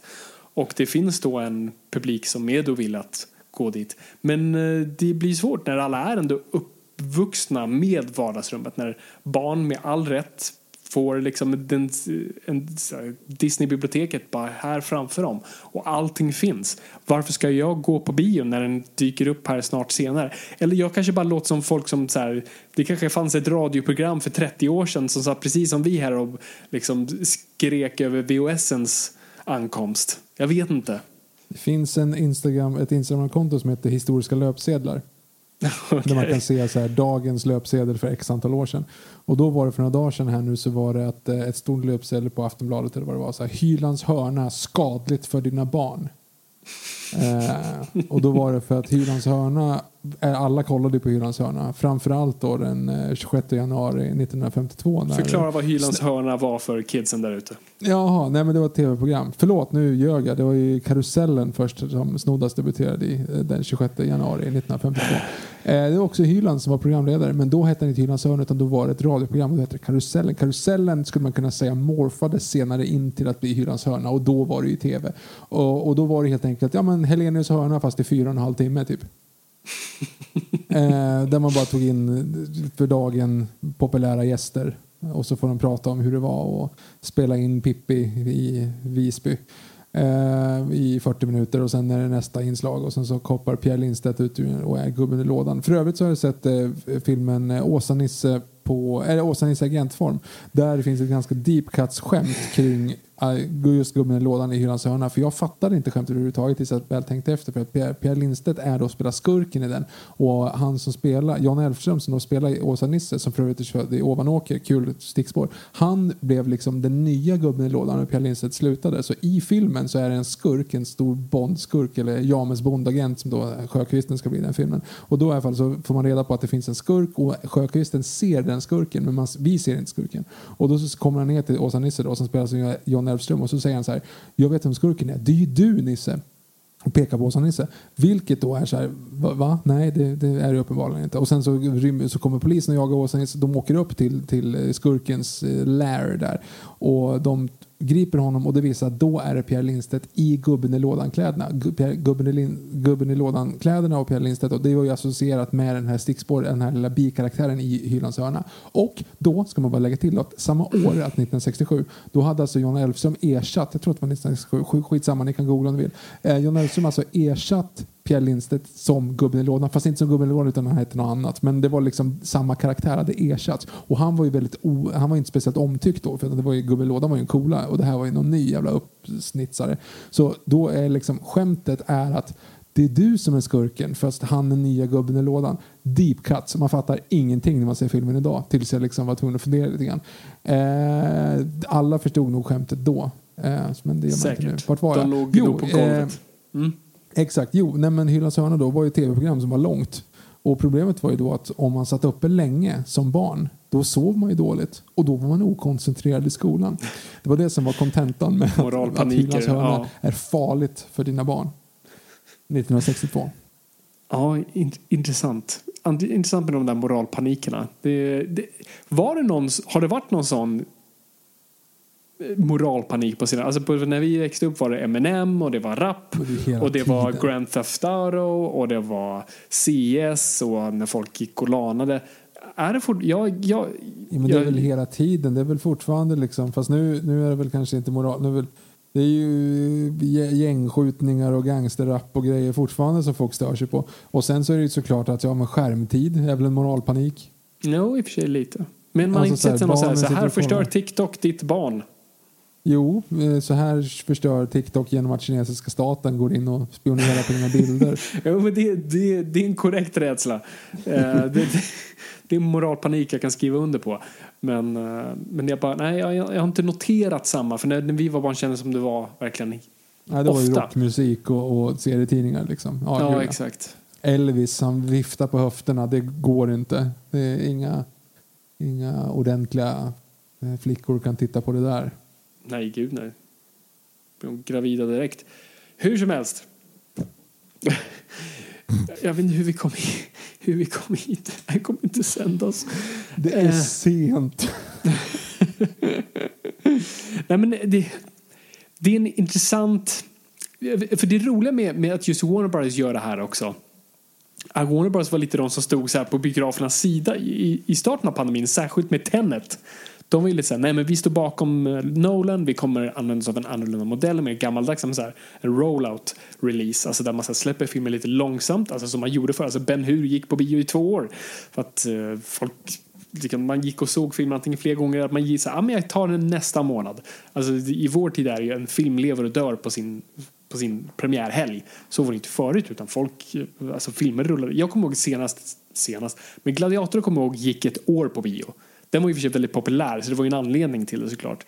Men det var ändå, så det var, vi växte upp verkligen i mellantiden där. Och det var lite Lord det of som the är, Rings gick väl också ganska länge. Jo, absolut. Och det, och absolut. Och det var ju för att den var så pass populär och folk gick och såg det om och om igen. Men, och det var ju det, jag tror vi pratade om det i Tenet-avsnittet, så här, fan det här kanske är alltså, framtiden. Att så här, vi kommer gå tillbaka till det lite nu av att man, man släpper en film men man, låt, man har en biografen längre. Det hade nog varit en modell jag hade nog skrivit under lite mer på att Warner Brothers släpper Wonder Woman typ i en eller två månader med en ganska långsam release. Släpper den över världen lite här och var och sen kommer den på HBO Max. Um, så det var så sorgligt just att se Warner Brothers var de första ut som bara nope. Eh, för jag antar att de kände sig utskrattade på grund av Tenet. För Tenet gick ju inte så bra som de nog hade velat trots alltihop. Men eh, shit, Warner Brothers, eller Nolan lär inte vara glad just nu. För han pratade ju också just om det här. Att så han, han kände sig stöttad och han, är, han var verkligen optimistisk med den här formen av release. Oh, stackars, stackars vd. Men, men hur går det för hans nästa film då? Alltså, det är Nolan? det, kom, ja, det kommer inte hända någonting närmsta året för honom. Nej, och jag skulle kunna tänka mig, just med, om man är kvar hos Warner Brothers så kommer han fortfarande ha det inflytande han säger nej, nej, nej, nej, nej. Mm. Med mig kör vi det gamla. Det ska gå på bio i minst ett halvår innan eh, exakt. hemrelease. Tenet tror jag finns nu och går att hyra eh, på nätet. Den går fortfarande på bio, men den ligger på 14 plats på biotoppen när vi kollade alldeles nyss. Eh, Mm. Du vet ju svaret, men det var ju lite roligt att eh, första Harry Potter och eh, Chamber of Secrets ligger alltså före. Mhm. Just nu på biotoppen i Sverige. Det är Ja, intressant. shit. Det, det är intressant. Men, så vem vet, det kanske kommer bli en slags hybridversion där, där, där filmskaparen får ha någonting att säga om sin release. Jag vet inte, framtiden ser väldigt weird ut och jag vet inte, det beror ju på om andra, Disney kommer absolut haka på det här. Men eh, vi får se vad de andra gör, eh, he- helt enkelt. Det ska bli intressant att kolla på Sverige, för vi i Sverige har ju typ någonting liknande som händer nu. Och det var ju... Ja, Jönssonligan. Ja, precis. Så Jönssonligan som då har hypats länge, som är uh, Alfredsons nya film och en ny Jönssonligan-film eh, som de verkligen har, verkar ha lagt mycket krut på, bestämde de för att nej, vi måste, vi släpper den här på vad. Vilket, okej, okay, vi kan diskutera det. Men, eh, men så, det, så det kommer ske och jag vet att Alfredsson var väldigt bestört av det här. Eh, han skrev ett offentligt brev där han typ bad om ursäkt för det. Eh, för jag tror, för den här filmen har varit väldigt försenad och skjutits upp. Det här är ingen insider information. Det här är bara det jag uppfattat bara. Eh, för att den skulle nog ha kommit tidigare än vad som var tanken. Så jag tror han kände nog säkert en sån här bara fuck, vi skulle inte ha skjutit på det så mycket som vi gjorde. För då hade vi fått ut den. Men nu kommer ju den ut på VOD eh, och det blir intressant att se Kommer den ses av fler? Eh, alltså, Sverige är ju uppbyggt på ett annat sätt. Alltså, vi, är mer, alltså, vi har alltså, vi är ju inte ett storstadssamhälle på samma sätt och folk som inte har en biograf i sin hemstad, alltså vill de gå och se en film på bio så satsar man verkligen att man åker till den staden som har det och då tillbringar en dag där. Nu kommer alla få se det hemma. Det kanske kommer, alltså det, det är en modell som skulle funka för Sverige på ett sätt. Så uh, det blir intressant att se hur det kommer bli och om det är för svensk film har ju, alltså, och det ingen, det vet ju alla, att svensk film går ju skit. Uh, delvis för... alla, men det är ju alla inspelade på ju. Vad Alla sa du? vet ju det. Alla Ja, är ju jo, inspelade exakt, alla Alla vet ju det. Men är, är det nog någonting att så här, om det dyker upp på streamingsajter och blir mer tillgängligt att det blir någonting som folk då kanske ser? Eh, Samtidigt så konkurrerar du med allt då.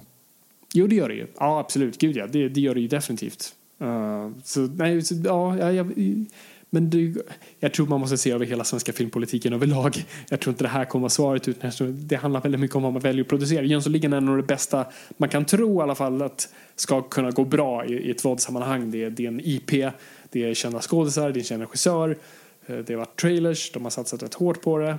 Det blir intressant att se vad som händer med Peter Dalles film som ska komma nu också i, till jul. För det... Ja, men, hade, man, hade man släppt så Äta, sova, dö 2 nu på Mm. juldagen så hade det kanske inte blivit samma rush. Alltså, Nej. Nej, för det är väl grejen med hela den här. Alltså vår Oscarsbidrag i år heter Charter, va? mm, just det. Eh, för den kom också, tror jag, precis när pandemin slog. Och så den tror inte jag folk har sett alls. För det, eh, hon som regisserade, regisserade Sameblod som var typ en av de få typ svenska filmer som gick väldigt bra. Eh, Ja, men den gick ju jättebra. Framförallt norröver. Mm. Och den här filmen då kunde ju inte alls ses just uh, troligtvis på grund av det, det som, ja, pandemin. Men vem vet. Eh, ja, det, jag vet inte vad, vad, vad Sverige ska göra. För att, alltså, jag förstår att de stora studierna utomlands gör det här. Alltså som Warner Brothers som sitter bara på ett jättebibliotek och grejer. De bara vill, och som du säger Victor, de vill producera mer saker. De kan ju inte bara sitta på massa grejer. De vill få ut det, få reaktioner, sen ska vi göra mer, vad är det folk vill ha. Sverige har ju inte samma grej. Och jag tycker så här, så länge de som har suttit på Jönssonligan, fan sitt på den en stund till. Alltså, jag, jag var knappast, det pirrade inte benen om jag säger så för att springa ut och se den. Trots att jag vill se den, men det var inget som jag så här, snälla ge mig Jönssonligan nu. Kommer du Eh. köpa Seymour för det? Nej, nej det kommer jag inte. Utan jag kommer hoppas att Där kom poängen. Ja, jag, jag vet inte vilket sammanhang jag skulle se det. Visas på tv, jag film alltså på TV4 klockan 10 på kvällen? Nej, inte riktigt. Kanske Vi- vi eh, kan i mina föräldrars stuga med dem. Men jag umgås inte med mina föräldrar just nu på grund av allt det här. Så att, På grund av att de tyckte att det var okej att Jönssonligan släpptes vad? Eller, vad tänkte du på? ja, pandemin. Jaha, ja, ja, okej. Ja, ja. Jag Men vi får hoppas att den sänds på fyran efter pandemin. Så det, det är väl okej då. Men eh, alltså det, det är bara det. Ja. det blir fascinerande att se. Kommer, har du Seymour by the way? Ja. Okej, kommer du kolla på Jönssonligan? Jo, men det kommer jag göra. Du, så du kommer göra det för att, när du Men har... jag, är, jag, är, jag har ju alla grejer ju. Jag har ju... Okej, jag har inte Paramount Plus. Jo, jag har fan Paramount Plus också. Så det ingår med min eh, eh, tv-leverantör hemma Ah. i lägenheten. Okej. Men jag har ju net, Netflix, eh, Disney Plus, Du har C inte HBO? Viaplay. Inte HBO, just det. Jag har allt förutom HBO egentligen. Då. Mm.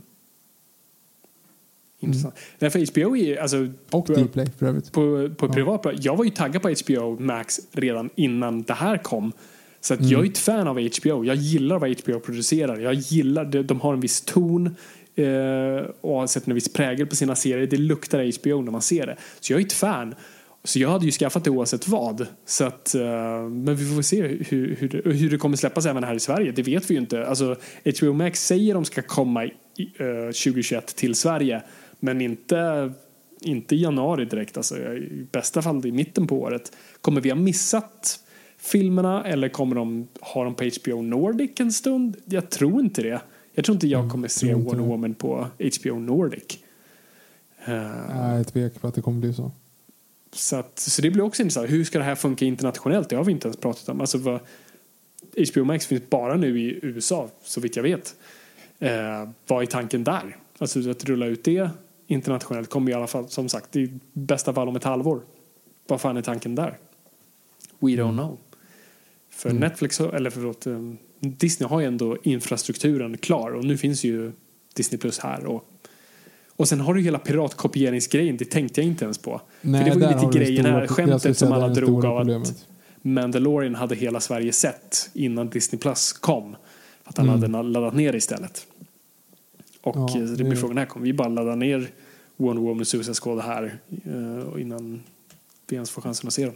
Vi kommer såklart inte göra det Fabian. Nej, vi kommer inte, jag vet inte ens hur en dator funkar så att jag har aldrig laddat ner och kommer fortfarande inte göra det mest för den tekniska aspekten av det och för att jag är filmarbetare så jag stödjer att man går på bio eller går i alla fall betalar för er content folk för guds skull. Ehm, så det, ja, så det, jag vet inte fan vad som kommer hända.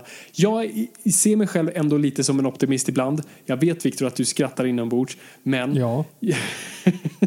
jag, jag finner mig ändå innerst inne, ytterst ute är jag väldigt bitter och eh, frustande som man lätt kan se mig i en biograf. Men innerst inne är jag väldigt optimistisk och glad och luktar blommor. Och jag tror ändå, vill ändå tro som sagt på den här grejen, alltså mellanbudgetfilmerna kommer börja regera igen. Och eh, andra filmer kommer steppa upp. Och det kanske blir, tänk att blockbustern typ flyttar över till streamingtjänsterna. Fan vad weird det vore. Att det är det som blir, för det är där massorna är. Det är de som vill se de där slags filmerna. Och vi kommer se liksom en Netflix-modell där. Ja, där allting, där allting hamnar på stream. Ja, nej, det, är, det är en intressant grej. Åh, du, apropå ingenting. Jag måste bara höra din take på det här. Har du sett det senaste kring Sagan om ringen och Peter Jackson? Nej, jag hade en annan eh, aspekt. Som jag, jag tar det här jättesnabbt emellan för det, din är mycket intressantare än min. Men jag Mm. citationstecken träffade Bert-Åke Varg eh, för ungefär en månad sedan. Och jag var Såklart du nära på... Ja, ja, och då var det lite så här... Undrar om han, för jag funderade en snabbis här, undrar om han vet om ytterst ute och innerst inne. Alltså att han, kan han den? Kan han, har han någon sagt den till honom? Alltså det känns som att han är så pass respekterad så att om någon säger liksom så här, innerst inne är du en snäll pojke men ytterst ute är du dum i huvudet. Förstår han det då? Det, det, nej, alltså om man hörde om det när det kom så lär han säkert inte minnas det idag. Och så det vi refererar till, eftersom den här podden körde Stan Lee-modellen av att varje podd kan vara någons första podd, att vi har pratat väldigt mycket om, det fanns ett barnprogram på vår tid, det var den här härliga 90-talsperioden efter Stenbeck hade brutit hela tv-monopolet och det fanns en lag om att startar du en tv-kanal så måste det finnas nyheter, det måste finnas barncontent. Och eh, fyran var fortfarande ung och eh, de gjorde barncontent men de sket i barncontent så de anställde några 20-åringar i rätt prominenta människor idag. Eh, och bara så här, satte dem i källaren och bara gör barnprogram. Och där kom då bland annat Bröderna Fluff eh, och då någonting som hette Sagorna, TV4 Sagorna, där de gjorde så moderna tolkningar av klassiska Nej, det bröderna. var inte moderna. Det var bara riktigt klappkassa rekvisita tolkningar av Det var sagor. samma, varje gång det var en interiör hemma hos någon, det var exakt samma hem. För då var det så här, men det, är- det är en det är en grimsaga, så varje hem ser likadant ut. Eh, Det var jättedålig green screen och det var liksom samma skådisar i jättefula eh, liksom, eh, alltså halloween-kostymer i stort sett. Och där hade de I då, bästa fall. i bästa fall. Så då hade de, vi har berättat om det tusen gånger förut så vi drar det snabbt. Så de, i deras rö, Rödluvan-version så var vargen en, en, en skitunge som hette Bernt-Åke Varg av någon anledning. Eh, för det var, inte, det var inte den Bernt-Åke Varg utan det var bara en, en godisgris till barn som hade ruttna tänder som hette Bernt-Åke Varg. Och berättaren berättar då om att yt, innerst inne var eller var, ja, precis. Innerst inne var Bernt-Åke Varg en snäll pojke men ytterst ute var han dum i huvudet. Eh, det här var så för barn. Oh, och, och det är ju lite så här en tidig version av referenser som flyger folk eller flyger barnen ovanför huvudet. Men Ja. för vuxna tänker de, jaha, okej. Jag tror de här finns på Youtube. De har funnits i alla fall. Så, så om ni är nyfikna och kollar så bara TV4-sagorna och så kanske Exakt, på tal om att stötta filmarbetare. Eh, Ja, men det- det går inte att för- och hitta det längre. inte- och för er, nej, det borde ju fan eh, TV4 Play ta upp. Oj, det blev fylla. Eh, 4 Play eh, ta upp, om inte annat eh, More. Men för er som Återigen för att referera då, det finns ju en riktig person som heter Bert-Åke Varg och han var bland annat då eh, patriarken i Rederiet för er som, åh gud, det är väl ingen som vet vad det är heller. Han varit med i säkert någonting på sista tiden också. Jag får att han var med i Kärlekens språk, den med Regina Lund. Men eh, ja, det är också en gammal, ganska gammal referens. Och så, han som spelar. Bernt-Åke Varg, eller menar du den riktiga Nej, Bernt-Åke den Varg? riktiga Bert-Åke Varg. Ja, jag tänkte väl så här, vänta, va? Vad- Han som spelar Bernt-Åke Varg, han? som är i Helt Perfekt på typ ja, femman eller trean. Karlsson, Svensson, Hansson, Jag är så Larsson. dålig på svenska namn. Skäms Ja. Johan, Johan heter han i alla fall. Mm. Ett ovanligt svenskt namn. Eh, nej men i alla fall, så Bert-Åke då, han bor ju i huset mitt emot mig så jag ser honom ganska ofta och jag liksom mötte honom på det sättet att jag, hade, jag sa liksom hej hej ungefär som att, för att han hade en rolig, han hade rolig färg på kostymen så det var någon Mhm. som ungefär som att, ungefär som att han, det syntes att han skulle ut på typ maskerad. Vilket var lite weird för han borde vara riskgrupp. Hur som helst. Ehm, så tänkte jag ändå så här är det något läge, man har liksom barnet bredvid sig, kommer med barnvagnen, han har liksom en, en outfit som ser kul ut och tänker så här. Är det någon gång jag ska stanna honom och prata om det här så är det ju nu. Men sen så tänkte jag, nej, det kommer inte. Det här, och just att behöva dra den här förklaringen. Du vet TV4, sagorna, jag har inte varit med i den. Nej jag vet, men alltså. Jag vet, och så alltså, innerst det- inne dum i huvudet. Vad fan säger du? Släpp det. Så jag känner att det var så väldigt många möjligheter till att det här kommer inte bli bra. Eh, det var min lilla, mitt lilla stickspår, det sjunde för dagen. Fabian, vad sa Peter Jackson om Sagan om ringen? Jag bara undrar om Nej, men eh, det bådar inte gott. Vi får väl se. Nej, men eh, de, de kommer nu släppa Sagan om ringen och Hobbit-filmerna i 4K i någon ny slags utgåva och eh, de- släppte på Youtube någon intervju med Peter Jackson eh, där han bara förklarar vad de har gjort och han, han, han verkar ha gått full George Lucas. Never go full George Lucas. Men det, det känner man väl på sig lite grann. Peter Jackson är ju lite George Lucas. Ja, jo men han har ju tendenserna definitivt. Eh, och det har vi ju redan sett med DVD-erna har lite olika färgkodningar och sånt där. Men eh, så han har ju petat i dem.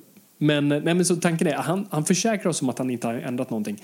Eh, för det märker man att han, han har varit, han är skraj för den kritiken.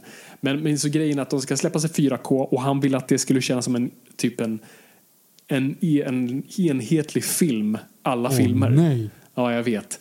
Så att han har färgkodat dem då liknande och att de liksom ska se vara del av ett, liksom ett enigt verk och han har piffat till specialeffekterna. Men det får mig så här. Min första fråga är, vad är din referenspunkt? Är det Fellowship eller är det Battle of the Five Big. Armies? Där Ja, det ser ut som någon har smörjat smör Ja, på linsen och gravitationen eh, finns inte i den här världen. Alltså vad, vad, vad, vad pratar vi om här? Man, men man säger väl att kameran lägger väl på fem kilo. Eh, så de har väl lagt på en fyra, fem kameror till på Orlando Bloom i de första tre filmerna. Då. Så att Gett det är honom lite mer ska man- haka. Ja, det ska man väl ja, fixa. Men, men eh, den, den stora grejen det är väl också att de ska klippa in så att det är den scenen i The world has changed. Du vet, hela den. Mhm. Då måste det ju vara så att det synkar. För när han säger då The most unlikely creature imaginable. A hobbit named Bilbo Baggins. Då kommer du ju få Marty Freeman. Annars blir Ja. det här ju fel. Ja, eller hur? Det är ju jättefel. Måste jag skriva Ja. ett argt brev. Det funkar inte kontinuitetsmässigt. Det var inte så jag såg det. det. vet- Jag vet inte, det kanske de gör. Men så han i alla fall försäkrar om så här, nej jag har inte ändrat någonting. Han formulerar det jättekonstigt. Vi har uppdaterat specialeffekterna men vi har inte ändrat dem. Va? Okej, men vad menar du med det då? Men då har du ju ändrat dem om du har uppdaterat och säger, ja men för de var inte byggda för 4K. Bara, mm, nej okej, men det var inte Jurassic Park heller. Det ser rätt bra ut idag tycker jag. Och, alltså, ni filmade på filmkameror. Det, det är översatt till 8K idag. Men okej, pff, I don't know. Det, det är det här barn, det här barn, dagens läxa, det är det här varför man köper DVD och Blu-ray. För att nu vet jag, för att den här 4K-versionen kommer vara det som distributionsbolaget rullar ut. Det är det, när ni ser den här Sagan om ringen nästa gång på Netflix eller vad det är, då är det de versionerna ni kommer få. Och då kan inte ni gå tillbaka. Alltså det är lite som, tänk er det George Lucas gjorde Fast, vi, och, fast det är över hela världen och vi har absolut ingen kontroll och han har bränt upp allt det tidiga. Så se hela världen som det och att det är därför man, vi nu har kvar våra Sagan om ringen-trilogi DVD och Blu-rays. Du har ju den första Blu-rayen Victor som kom från Japp. Extended så den är faktiskt korrekt. Och jag är glad att det är så att man har dem nu för att säga, åh gud, så här, så att jag kan ändå se dem så de ska, så de gjordes för, där de inte petades i. Oh, så det, det, det, köp DVD-erna while you can. För att det, fan, det kommer bli hårdvaluta sen Victor, tro mig. Det här kommer bli precis som Nej, serietidningar på det faktiskt 90-talet. Ja, jag tror inte på dig faktiskt. Jag tror inte att det kommer vara en craze efter gamla DVD-er av Victor, ge mig dina besparingar och jag ska investera dem i en stor DVD-samling jag ska gräva ner på min bakgård. Och vänta bara, det kommer växa mer än alla fonder och aktier i världen, tro mig. min, eh, ut, min specialutgåva där av eh, Jurassic Park, eh, eller av The Lost World. Man får se en trailer av Jurassic Park 3. Det är en film som inte ens de har ett manus till. Alltså vid den läget. Så de har bara liksom en first person grej av någonting som springer genom djungeln och så har de loggan med en Spinosaurus. Du ser, den, har- den har vi. Den, den har vi på, Mm. på DVD. Nej, så Jag, alltså jag, så tillbaka, jag är, jag är så glad att jag har mina DVD och Blu-rays kvar. För att, nummer ett, jag kan se då vilken film jag vill när jag vill. Okej, teoretiskt kan du typ göra det på vad, fast inte alla filmer. Som till exempel Insomnia. Den gick inte att se på någon jävla vad någonstans. Nej, Nej, så att den som har den på DVD kan skratta sig lycklig. Och eh, du har ett extra material, du har commentary tracks, du har också bättre bildkvalitet. Nu pratar vi Blu-ray och 4K Blu-ray. Det är bättre bildkvalitet än vad streaming någonsin kan ge dig. Jag måste, bara, jag måste bara lägga in här att Disney Plus har extra material faktiskt. Såklart filmen. de har. Såklart Disney har det. Jag är en positiv människa, Victor. Bra. Jag såg om Pocahontas igår. Oh, var, var den bra? Alltså ögonen svullnade upp fyra, fem gånger på grund av liksom, jag känner igen det här. Eh, Åh, jag var en gång ung. Eh, samtidigt så tänker man så här, för det första vill jag bara säga förlåt till alla jag har träffat i både privat och i mitt yrkesliv. De, eh, ja, egentligen sen senaste 15 åren. Jag har inte varit ärlig. Jag har ljugit och eh, det har inte varit med min mening. Jag fick igår reda på att så här säger vi god dag är alltså wingapo och inte wingabo. Jag har sagt wingabo på tok för ofta i hela mitt liv. Det är ett P där, inget B. Så att wingapo är det korrekta sättet att säga god dag. Så att, eh, Mitt T, alltså. Det lät som du sa mitt P. Men- Wingapo. Ja, med P som penis. Jag kommer inte på som, som Så det var ett P. Som Ja, Petter alltså- Niklas. Exakt. Exakt som i... Som i Okej, så, så P som pelvis, inte T som... Strike that. Det här kommer inte sändas det här avsnittet. Nej, jag vet. Nej, i alla fall. Så det är winka på. Men okej, men Fabian. Väldigt kort. Take me through the story of Pocahontas. Disney-filmen Pocahontas. Exakt. Oj, oj. Det är en bra... Okej. År 1600... Okej. ehm, 1607, ja. Eh, För det engelska versionen är In year 1607 we sail the Ah. open sea. Men på svenska blev det ju sju, går ju inte att avsluta en, en, strof på. Så det inte år ja. 1607, ja. Så stolta seglar vi. Det är kul. Ja, det är jättebra. Nej, men det Ja. börjar väl med att den vita mannen kommer till eh, U- USA. Uh, alltså shit vad jag inte minns. Okej, vänta. Så, det, I mitt huvud så är allt utifrån John Smiths perspektiv. Att han, Mm. de kommer i land och du har Christian Bale där och eh, du har Martin en ond... Timell. Va? Martin Timell är det i Ja, just det. Just, oj, det har inte åldrats väl. Tommy Nilsson och Martin Timell. Ja. Jag har helt glömt bort det. Just det, fan Martin Timell. Ja, Officiell Disney-figur. Woo! Ehm, och sen sjunger det en massa sånger. Han klättrar ett vattenfall och sen... Ja, du har ju en parallellstory där med Pocahontas som träffar trädet och sånt där. Men så träffar hon Pocahontas, de blir polare. Sen kommer typ hennes trolovade, förlovade. Eh, och John Blivande Smith par. skjuter honom. Nej, Nej. inte han, utan det är Martin Timell. Så det kan vi ändå köpa att han gör. Så det är ändå on-brand nu.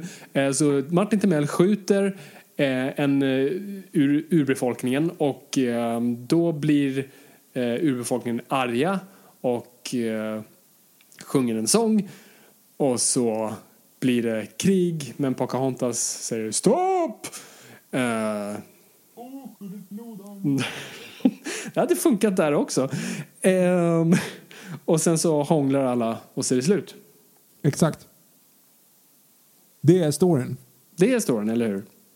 Det, det, det var lite det jag tänkte komma till. Den är bara en timme och 20 minuter, eller en timme och 25. Mm. Men det händer ju ingenting.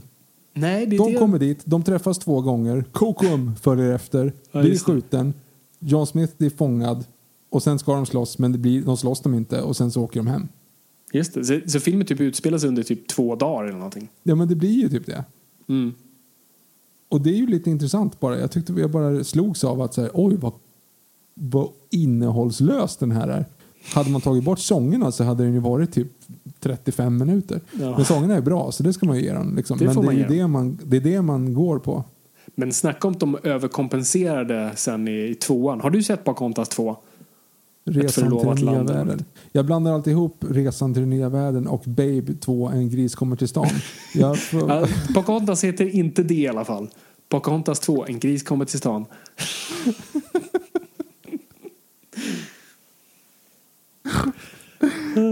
Det var ett av mina första skämt för övrigt. Eh, alltså i mitt liv. När jag liksom kom på ett eget skämt. Och då var jag att eh, jag döpte Lost World 2. Alltså The Lost World var Jurassic Park 2. En Rex kommer till stan. Det tyckte jag var svinroligt. Det låter som ett. Victor åtta år skämt faktiskt. Ja, ja, Eh, gud, ja. Men det är bra. ganska Det är bra. Ja, ja, För exakt. en åttaåring är det fan briljant. Tack. Mm. Nej, men eh, för tvåan till Pocahontas var ju värdelös. Men den hade ju massa stuff som hände. Det fanns ett annat kärleksintresse, det var en double crossing. Någon visade sig vara le levande som man trodde var död. Shit vad mycket som hände där. Jo, den, jag såg, den kom ju upp som så här, se nästa film. Vet. Efter Mm. man ser klart den första så kommer Pocahontas 2. Och då blev jag lite provocerad. Det borde ju Mm. vara någonting annat. Det borde ju vara typ så här, Lilla Sjöjungfrun eller Lejonkungen Ja, eller något annat. Så här. verkligen. In, inte liksom, om du ser Aladdin, en av just en Oscars-nominerad för bästa musik. Va? Skitsamma. Men eh, just det här, en, en storsatsande mastodontisk film och så liksom bara så här, ska du, vill du se någonting likt det här? Mm. Bara, ah, Rövarnas konung. Alltså det blir ju något helt annat. Det går ju inte. Nej, och... Nej, det där gör mig faktiskt väldigt provocerad. För, att det var lite också, för vi hade en, också en förståelse för... Vi hade perspektiv till de här filmerna. För vi fattade på något vis att det här var... Visst, det var en uppföljare, men det var något sämre. För att den gick inte upp på bio, den kom ut på VHS lite sådär skymundan. Som, liksom, som folk som hittade pornografi under en bro i en skog. Alltså det var lite den känslan man hade till Det var vår, Disney-uppföljare. exakt. Det är exakt en jättebra jämförelse. Mm. Våra, det är liksom den stora stenen under granen Mm. och det är liksom en kortlek med, med nakna kvinnor. Det var motsvarigheten till när man gick in i videobutiken och såg Ringen i Notre Dame 2. Alltså verkligen, det var lite läskigt. Så här, vill man verkligen ta i det här? Men det är Nej, också lite precis. spännande. Något Jag vill se vad det. Nej, är för någonting. Mm. Ja, exakt. Ja. Nej men exakt. Och hur kommer det bli för, ja men som ditt barn och nuvarande barn och framtidens barn när de kollar på Pocahontas och så bara åh shit, tvåan! För det kommer man se det som att det är en kontinuerlig story. Bara, nu, det här kommer fortsättningen, avsnitt två. Det är inte okej. Du ska, ju- det ska ju finnas i ett mörkt hörn på Disney+. Plus Där du verkligen Mm. måste så här scrolla dig fram till så oj, aha, vänta, fanns det en uppföljare Nej, till och det här? måste jag säga att det också är Weird. dumt. För att säga, om du ska kolla på filmer, så- de sorterar filmer så här, alla eller typ komedi, action, alltså äventyr. Så. Mm. Det är inte liksom så tecknade Disney-klassiker. Det, det, det är så jag vill sortera dem.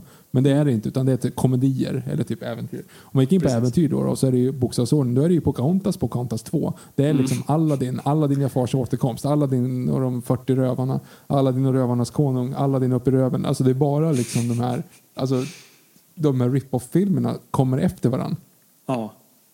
Nej, det, Jättedumt. det, är, det, nej, det är inte okej. Jag måste skriva ett argt brev. Bra, då har vi eh, titeln på vårt nästa avsnitt, Viktor. Kan vi göra Ett ett, argt brev. Ja, eller bara vi, vi, gör ett, vi gör ett avsnitt kring, kring det vi precis pratade om. Ja. Borde inte vi sluta prata nu? Vi borde sluta prata nu för det här har pågått på tok för lång tid.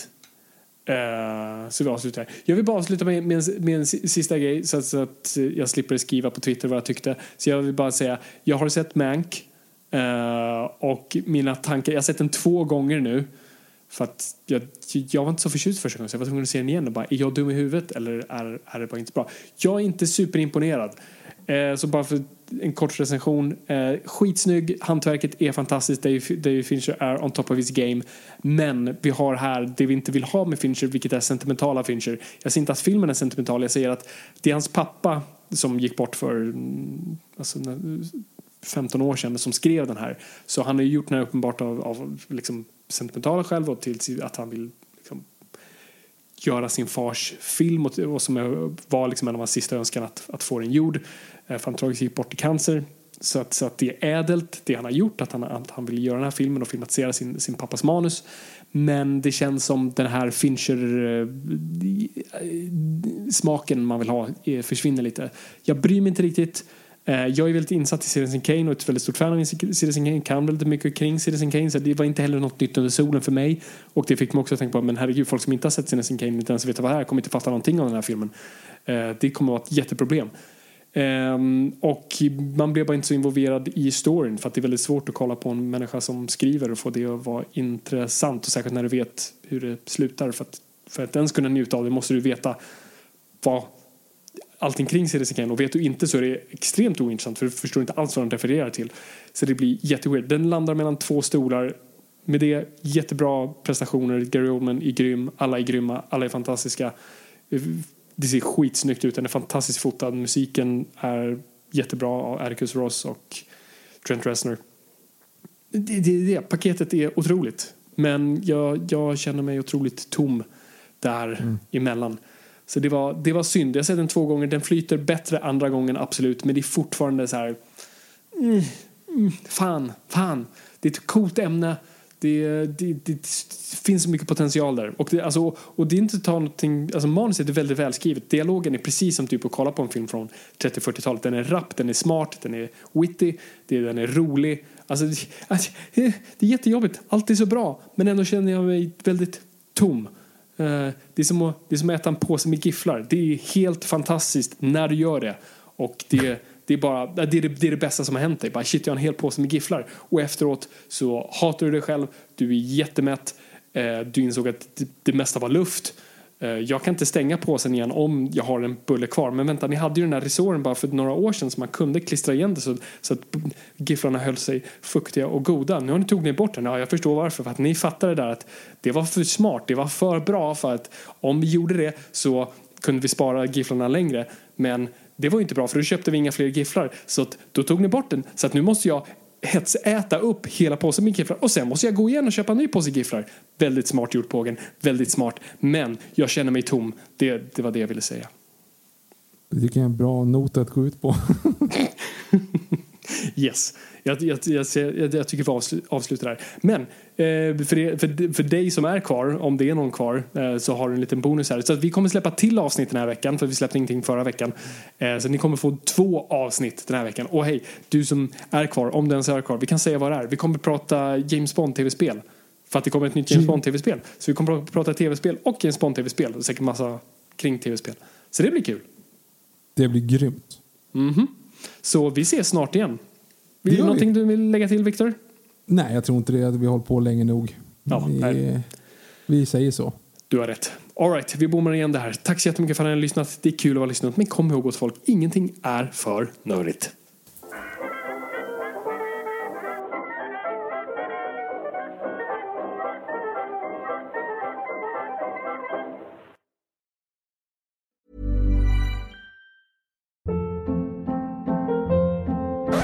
Hold up. What was that? Boring. No flavor. That was as bad as those leftovers you ate all week. Kiki Palmer here, and it's time to say hello to something fresh and guilt-free. Hello Fresh. Jazz up dinner with pecan-crusted chicken or garlic butter shrimp scampi. Now that's music to my mouth. Hello Fresh. Let's get this dinner party started. Discover all the delicious possibilities at hellofresh.com.